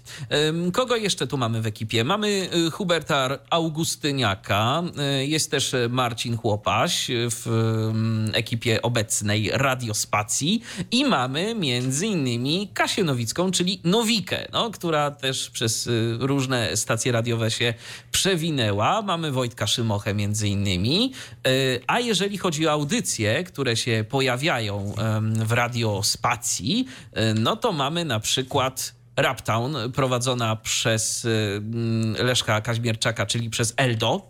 Y, lubię jazz Piotra Majewskiego. Y, audycja oryginalna. Polski lektor Andrzej Leszczyński. Taka audycja na przykład się też pojawia. Kogo my tu jeszcze mamy? Mamy wprowadzących Tak Gra, taką audycję prowadzoną przez Gabi Andrychowicz. E, i dookoła rock'n'rolla prowadzoną przez e, Jacka Olechowskiego. No i oczywiście Paweł Sito też się na antenie pojawia, e, radiospacji ze swoimi audycjami. I teraz dochodzimy, bo to jest, myślę, że co niektórzy, co pamiętają radiostacje z tych czasów, to się ucieszyli już tak, że o super, będzie radio, którego będę słuchał. No właśnie, mm, tu dochodzimy do pewnych mniej optymistycznych y, kwestii związanych z tym projektem. Ja oczywiście życzę radiospacji jak najlepiej, bo myślę, że mm, na takie radio mimo wszystko gdzieś tam jest zapotrzebowanie, ale problemem podstawowym jest to, że to radio funkcjonuje bez jakiegokolwiek zaplecza technicznego. Y, Paweł Sito, wypowiadając się dla różnych portali medialnych, czy nawet i na profilu facebookowym, y, też podkreślał to, że wszyscy prezenterzy nadają z domów. I sytuacja problematyczna jest to tyle, że ci prezenterzy nie są w żaden sposób wyposażeni w sensowny sprzęt, dzięki któremu ten głos y, byłby dla słuchaczy y, fajnie słyszalny. Oni nadają z wykorzystaniem tego, co mają, więc oni nadają z wykorzystaniem smartfonów, z laptopów, których to mikrofony są naprawdę różne, a i jeszcze mają często powłączane różne takie rzeczy, żeby ten głos był, był słyszany jakkolwiek, y, ale po prostu czasem brzmi to tragicznie. Ci prezenterzy bardzo często też po prostu nie znają oprogramowania, z jakiego korzystają i no na przykład y, nierzadko pojawia się sytuacja, w której ktoś mówi i prawie go nie słychać, bo muzyka jest głośno, zapomniał sobie ściszyć gdzie ktoś na przykład e, w trakcie, jak ktoś nadaje z telefonu, e, to potrafi telefon zadzwonić, no i stream się rozłącza. Więc radio naprawdę na chwilę obecną okraszone jest mnóstwem wpadek. Mm, nawet jak na nadawcę internetowego, moim zdaniem, można było to przemyśleć, zrobić lepiej od samego startu, bo po prostu no, w takiej sytuacji y, może to słuchaczy zniechęcać. Ale najciekawsze jest to, że przynajmniej z komentarzy na Facebooku to ja jakoś nie widzę, żeby ci słuchacze czuli się zniechęceni. To tam jest raczej taki entuzjazm ludzki, że wszyscy się cieszą, że, ta, że to radio jest, że od tyle czasu nie słuchałam, nie słuchałem y, takiej muzyki, że jak fajnie, że znowu jesteście. O coś tutaj nie gra, ale dobra, już gra, już ten, już jest wszystko w porządku. Więc mm, ludzie się po prostu z tego cieszą, że mogą słuchać takiej muzyki, mogą słuchać y, wybranych y, piosenek przez prezenterów, bo to jest ważne że w radiospacji nie ma czegoś takiego jak jakaś narzucona playlista, ani baza muzyczna, to każdy prezenter gra co chce. Yy, ja na przykład trafiłem yy, niejednokrotnie na muzykę drum and bass, na jungle, na house, yy, na jakieś później utwory z takiego classic rocka, takiego totalnego classic rocka, lata 70., piosenki, które nawet czasem się pojawiają na naszej antenie, na antenie głównego kanału Radia DHT. Ty zdaje się trafiłaś na jakieś hip-hop popowe takie bardziej rzeczy, tak? Tak, coś takiego, a wczoraj wieczorem na jakieś takie bardziej jazzowe z kolei. No więc, no więc rzeczywiście to jest różnie, różnie i niewykluczone, że się dla każdego coś znajdzie. No ja muszę tego więcej posłuchać, bo jeszcze aż tak wiele nie miałam okazji. Też może dla siebie e, coś znajdę. Tam zresztą z tego, co mówiłeś, to się sporo zmienia, bo się na początku mówiło, że się jakieś tam postaci pojawią, jacyś Na przykład, tak, na przykład... Potem okazało, że nie. Na przykład Marzena Hełwiniak w informacji informacji dla portalu wirtualnemedia.pl się pojawiła taka informacja, że będzie Marzena Hełminiak. Teraz na przykład w takim branżowym e, czasopiśmie dla radiowców radionewsletter.pl widziałem e, wpis Huberta Augustyniaka, e, który mm, już tak sygnalizował, że nie wiemy, czy Marzena Hełminiak się pojawi. Więc no być może, być może się po prostu nie pojawi, albo się waha, albo, albo jeszcze nie jest to wszystko dogadane. No jest to totalny spontan, tak? To, to jest na zasadzie, ej słuchajcie, chodźcie, robimy radio. I zrobili. Brzmi to jak na razie źle. Czy będzie lepiej? Myślę, że bez jakichś inwestycji technicznych, które w przypadku radia internetowego również są potrzebne, o czym doskonale wiemy, tworząc radio DHT, czy tworząc Tyflo Radio, czy Tyflo Podcast, realizując różnego rodzaju Tyflo Podcasty, to dobrze wiemy, że tego nie da się dobrze zrobić y, z komputerem, z laptopem tylko i wyłącznie. Tu jest potrzebna inwestycja w sprzęt, tu jest y, potrzebna inwestycja w technikę, bo prowadzący w takiej sytuacji mm, jest realizatorem, to już w dzisiejszych czasach nie jest wcale e, nowość, bo w stacjach komercyjnych to prezenterzy się sami realizują i muszą po prostu umieć obsługiwać konsoletę, albo jest to w, no, dobrze przyjęte i mile widziane, żeby sami sobie to wszystko byli w stanie ogarnąć, ale oprócz tego musi być technikiem i musi być specjalistą od IT. A z tym to już bywa gorzej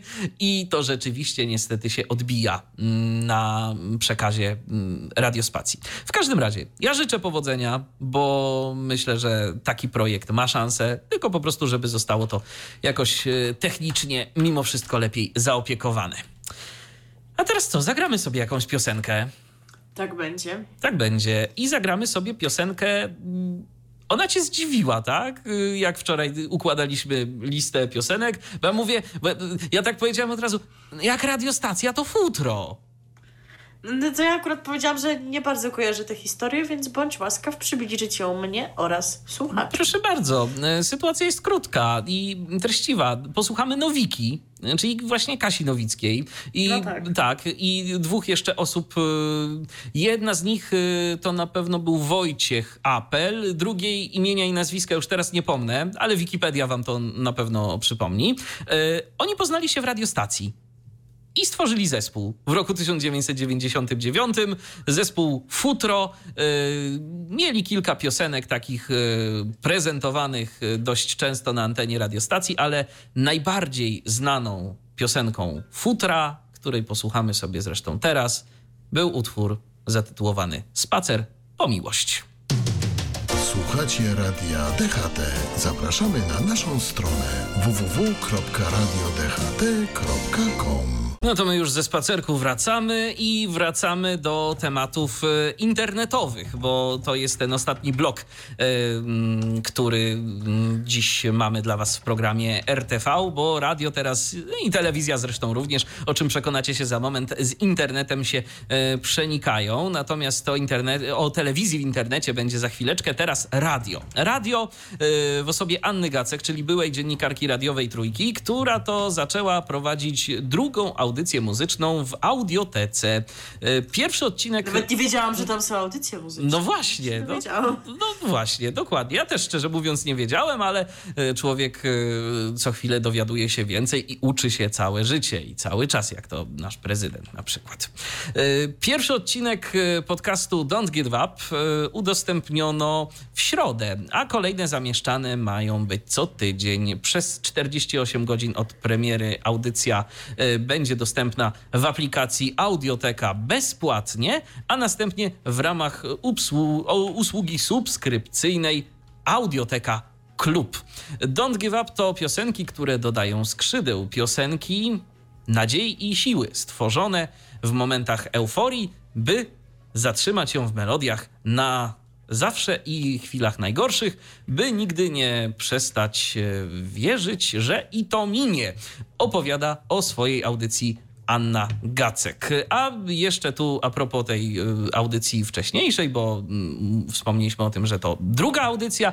E, od zeszłego roku, co piątek w audiotece, Anna Gacek przygotowuje już audycję Sweet 90s z muzyką lat 90. Przypomnijmy, że Anna Gacek na początku marca, po 19 latach, rozstała się z radiową trójką. Prowadziła y, w tonacji trójki z Wojciechem Manem program Aksamit y, i w tym paśmie przynajmniej przez chwilę y, był obecny Marek Wiernik, teraz.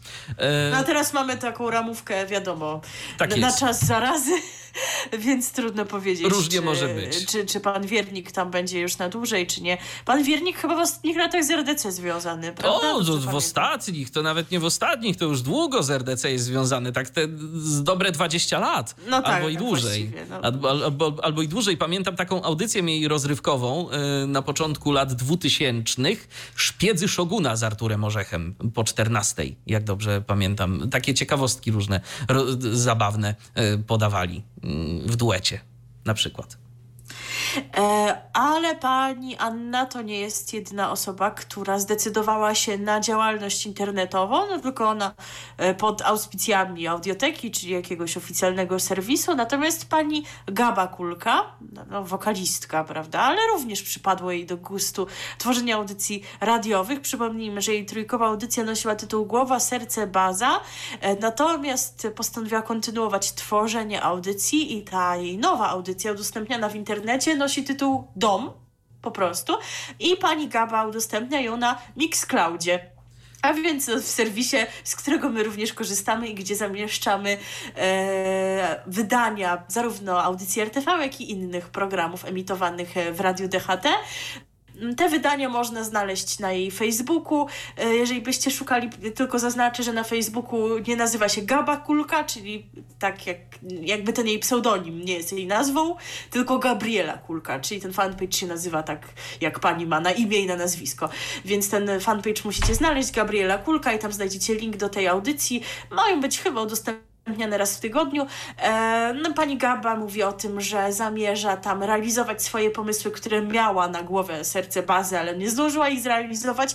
No a kto wie, może wkrótce pojawią się również jakieś nowe pomysły. Tak, bo Mixcloud to dodajmy jeszcze tak tylko króciutko, że jest to na tyle fajny serwis, że umożliwia e, bezkarne wrzucanie audycji z piosenkami, bo z innymi serwisami to jest o tyle problem, że tam się trzeba liczyć z różnego rodzaju kwestiami związanymi z prawami autorskimi, a Mixcloud to jest e, serwis na tyle miły i uczynny, że w naszym imieniu te wszystkie tantiemy na rzecz organizacji zbiorowego zarządzania opłaca i dlatego, jeżeli ktoś tam ma ochotę, to może takie audycje muzyczne zupełnie bezpłatnie tworzyć. Tyle jeszcze tak tytułem wyjaśnienia, a teraz pozostaje nam posłuchać piosenki. No skoro Don't Give Up, to myślę, że żaden inny utwór tu nie mógłby się pojawić jak ten wyśpiewany przez ten słynny duet Petera Gabriela i Kate Bush. RTV. O radiu i telewizji wiemy wszystko. Nie wiem, czy też masz takie wrażenie, że radia to chyba tej piosenki nie grają w całości. Jakoś tak A to jest możliwe, no bo długa. Długa, długa, 6 minut ponad, y, więc y, miejmy nadzieję, że jesteście wyluzowani, bo piosenka taka spokojna y, i jesteście przygotowani na to, że z nami jeszcze tu chwilę pobędziecie, ale spokojnie, teraz to już rzeczywiście tylko chwilę. Teraz przechodzimy do telewizji łączącej się z internetem, mianowicie do mm, serwisu player.pl, bo właśnie tam wczoraj zadebiutował nowy talk show Kuby Wojewódzkiego. W programie 250 metrów kwadratowych Kuby Wojewódzkiego gospodarz zaprasza gości do domowego zacisza na prywatną kanapę. Choć wyjątkowa sytuacja przyspieszyła zakończenie wiosennego sezonu Kuby Wojewódzkiego, showman nie da nam o sobie zapomnieć. Tym razem dziennikarz zaprosi widzów do swojego domu. Zmieniają się okoliczności, ale nie prowadzący. W programie padnie wiele kontrowersyjnych pytań. I jako pierwszy na kanapie Kuby Wojewódzkiego zasiadł raper Kebona Fide. Mam nadzieję, że wymawiam dobrze ileś Bo, różnych bo wersji. różnie to wymawiają. Jedni kebo na fide, drudzy kłebo na fide, a sam artysta nie poprawia, więc nie, wiem, nie wiemy, czy jemu to robi jakąś różnicę. Tak A my jest. się też nie znamy się na rapsach, hip-hopach i innych tam takich, także jak chcecie, to nas poprawiajcie. Oczywiście, jesteśmy otwarci na krytykę w przeciwieństwie do co niektórych. TVP. Tak jest. A już tak pokazałam palcem. Tak jest, no, tak trudno. jest. E, dobrze, ale nie wykonałaś gestu posłanki Lichockiej. E, Skądże znowu? Nie. E, Więc jeszcze tu tak e, nawiasem mówiąc, to, e, to jest pierwszy odcinek. Nie wiadomo, ile odcinków będzie miało to show, ale no, jest szansa na to, że jeżeli. mm, Wszystko pójdzie dobrze z odbiorem tego pierwszego, to będzie ono mm, kontynuowane. A jak powiedział Maciej Gozdowski, dyrektor zarządzający Player.pl, czyli człowiek, od którego tu zapewne sporo zależy. Funkcjonujemy w bezprecedensowych czasach, ale nie, boj, nie dajmy się temu przytłoczyć. Player, jak i cała y, firma TVN Discovery Polska mm, próbuje nowych rozwiązań i tak jest od zawsze. A obecna sytuacja zmobilizowała nas do kręcenia projektów w domach, a Kuba Wojewódzki to jedna z ulubionych osobistości wśród użytkowników e, Playera. Cieszymy się, że jego nowy talk show poszerzy ofertę produkcji Player Original. Liczę, że taka formuła spodoba się widzom. No i zobaczymy, jak to wyjdzie. Jeżeli rzeczywiście odbiór będzie pozytywny, to pewnie będzie to kontynuowane. Zobacz swoją drogą, jak rzeczywiście wiele różnych takich y, metod i środków można teraz wypróbować, sprawdzić, y, czy się coś opłaca, czy się coś w ogóle udaje technicznie zrealizować. Ja myślę, że y, specjaliści od techniki w stacjach radiowych y, i telewizyjnych, to tak oczywiście pomijając y, jakieś tam swoje osobiste lęki związane z koronawirusem, ale teraz to się muszą tak gdzieś tam w kąciku trochę cieszyć, bo tyle rzeczy, którzy oni mogą zawsze tych innowacyjnych, technologicznych wykorzystać, a zawsze był taki opór, że nie, to tego nie, bo to może nie pójść, bo coś, a teraz jest w końcu okazja.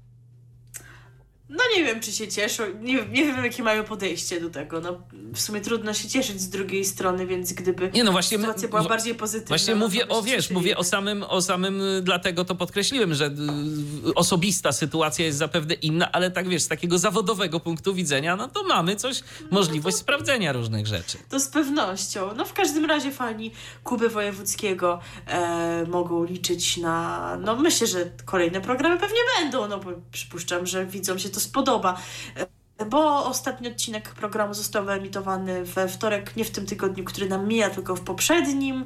I chyba on był bez udziału publiczności. Tak, w tym był bez już udziału mieliśmy- publiczności. Już mieliśmy film, Film. w tym paśmie, e, także tak sytuacja wygląda, ale, ale w internecie można pana Kubę oglądać. No pan Kuba, nie no, w sumie też ma epizod wokalny, prawda? Moglibyśmy teraz zagrać utwór po trupach do celu, który Tak, z Michałem Figurskim. Szczególnie, że 10 lat minęło, a e, aktualny jest znów, co by nie powiedzieć. Nawet zresztą sam pan Kuba z takim komentarzem Ostatnio go- go ostatnio na tak. swoim Facebooku. Tak jest. E, no ale jakoś nam to nie przyszło do głowy i może już nie będziemy tutaj prowokować, może by się ktoś obraził na nas albo coś.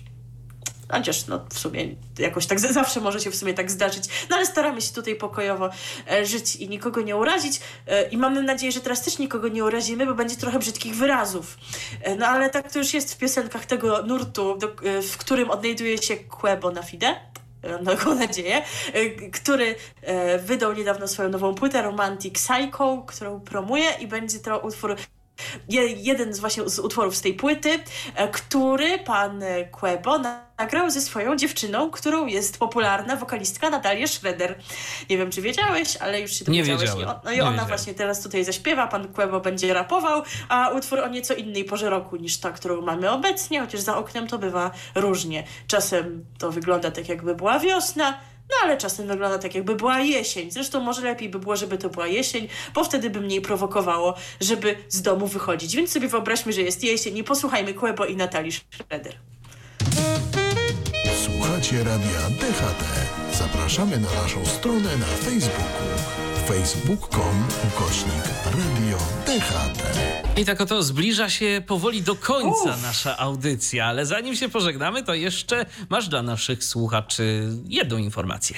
E, mam jedną informację, taką bardzo aktualną, bo już dziś będzie miał miejsce koncert, o którym Wam powiem. No i znów powraca temat tego czegoś na K. Na YouTubie to już lepiej tego hasła nie wymieniać, prawda? Nie mówić koronawirus albo kwarantanna, bo tam wtedy się traci.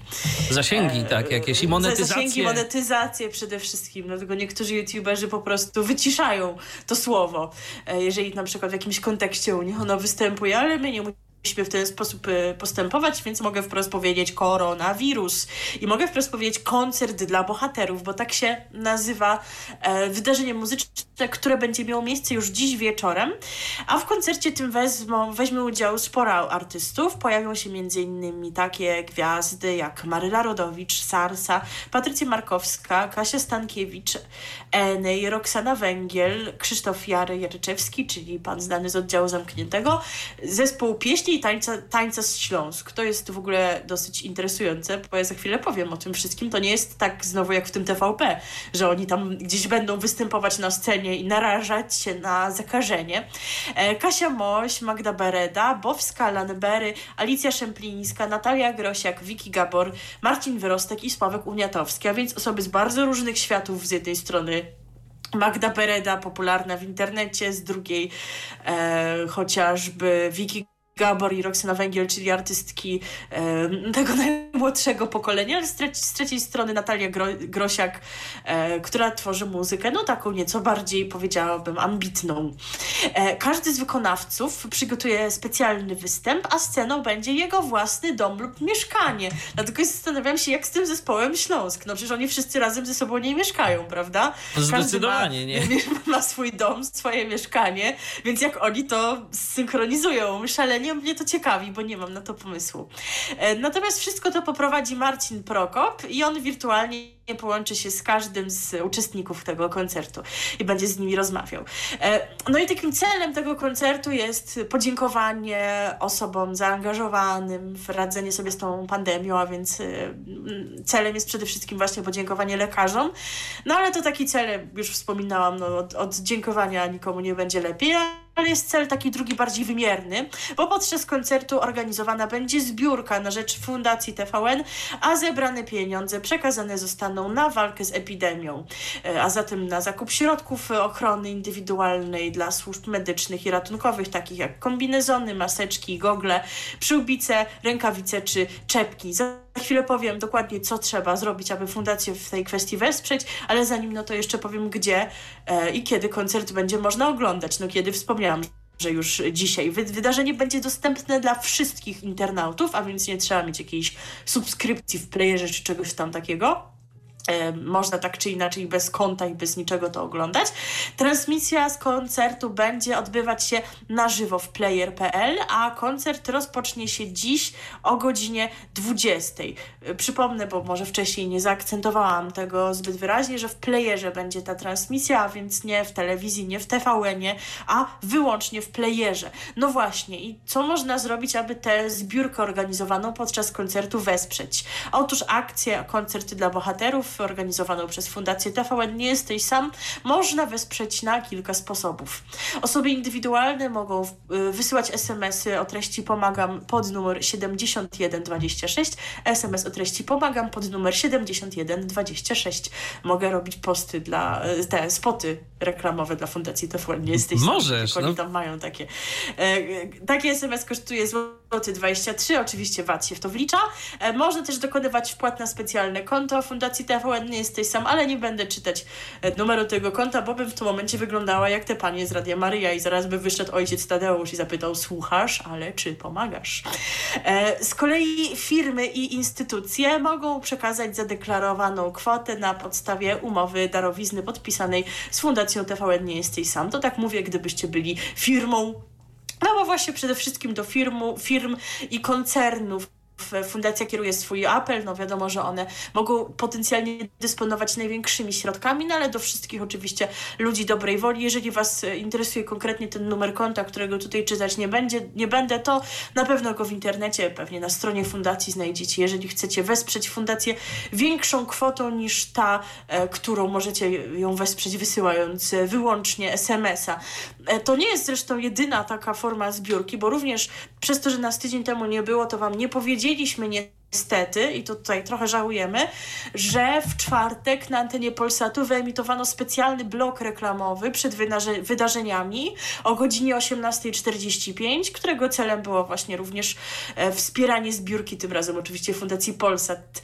e, na rzecz przeciwdziałania koronawirusowi. E, no, zatem zasady te same jak w przypadku tych mikołajkowych bloków reklamowych które Polsat zawsze emituje w grudniu, a zatem im więcej osób jest przed telewizorem, im więcej osób ogląda reklamy, tym potem większa więcej kwota pieniędzy. wędruje na tak. konto fundacji e, i już wiadomo, że około 7 milionów osób obejrzało ten blog, także mamy nadzieję, że byliście wśród, w, w tym gronie, jeżeli oczywiście chcieliście pomóc, że się jakoś dowiedzieliście, e, mimo tego, że wam o tym nie powiedzieliśmy i to się przekłada na około 3 miliony na konto fundacji, więc 3 miliony na rzecz walki z koronawirusem koronawirusem. To już no, jest całkiem sporo. A więc to już jest coś, także jeżeli nie mieliście okazji oglądać bloku reklamowego, albo no, uważacie, że chcecie wesprzeć jeszcze bardziej, no to dzisiaj koncert dla bohaterów w playerze o 20, a przy okazji będzie można posłuchać no sporo muzyki w różnych stylach, a więc dla każdego się coś znajdzie. Tak, i mie miejmy nadzieję, że dla każdego też znalazło się coś w dzisiejszym 77. wydaniu programu RTV. No nie było trudno, żeby się coś dla każdego znalazło. W końcu byliśmy z wami e, trzy godziny. Matko, rekord no. jakiś. Uhu, a, i, I pytacie nas... Ja, ja już tak gadam właśnie z, jak z, z wami, mimo że was nie słyszę jak te nauczycielki z TVP, chociaż akurat o to bym się nie czepiała, no bo rozumiem, że ona chce sprawić wrażenie takiej lekcji, po na, prostu na interakcji. Dzieciach, żeby te dzieci odczuły, że ktoś do nich mówi. Tak. Przecież momentami to się robi po prostu karykaturalnie, jeżeli one powtarzają to za dużo, jeżeli na przykład pani zadaje pytanie i mówi, słyszę jakieś głosy. Oj. No to wiadomo, że to się robi memem, prawda?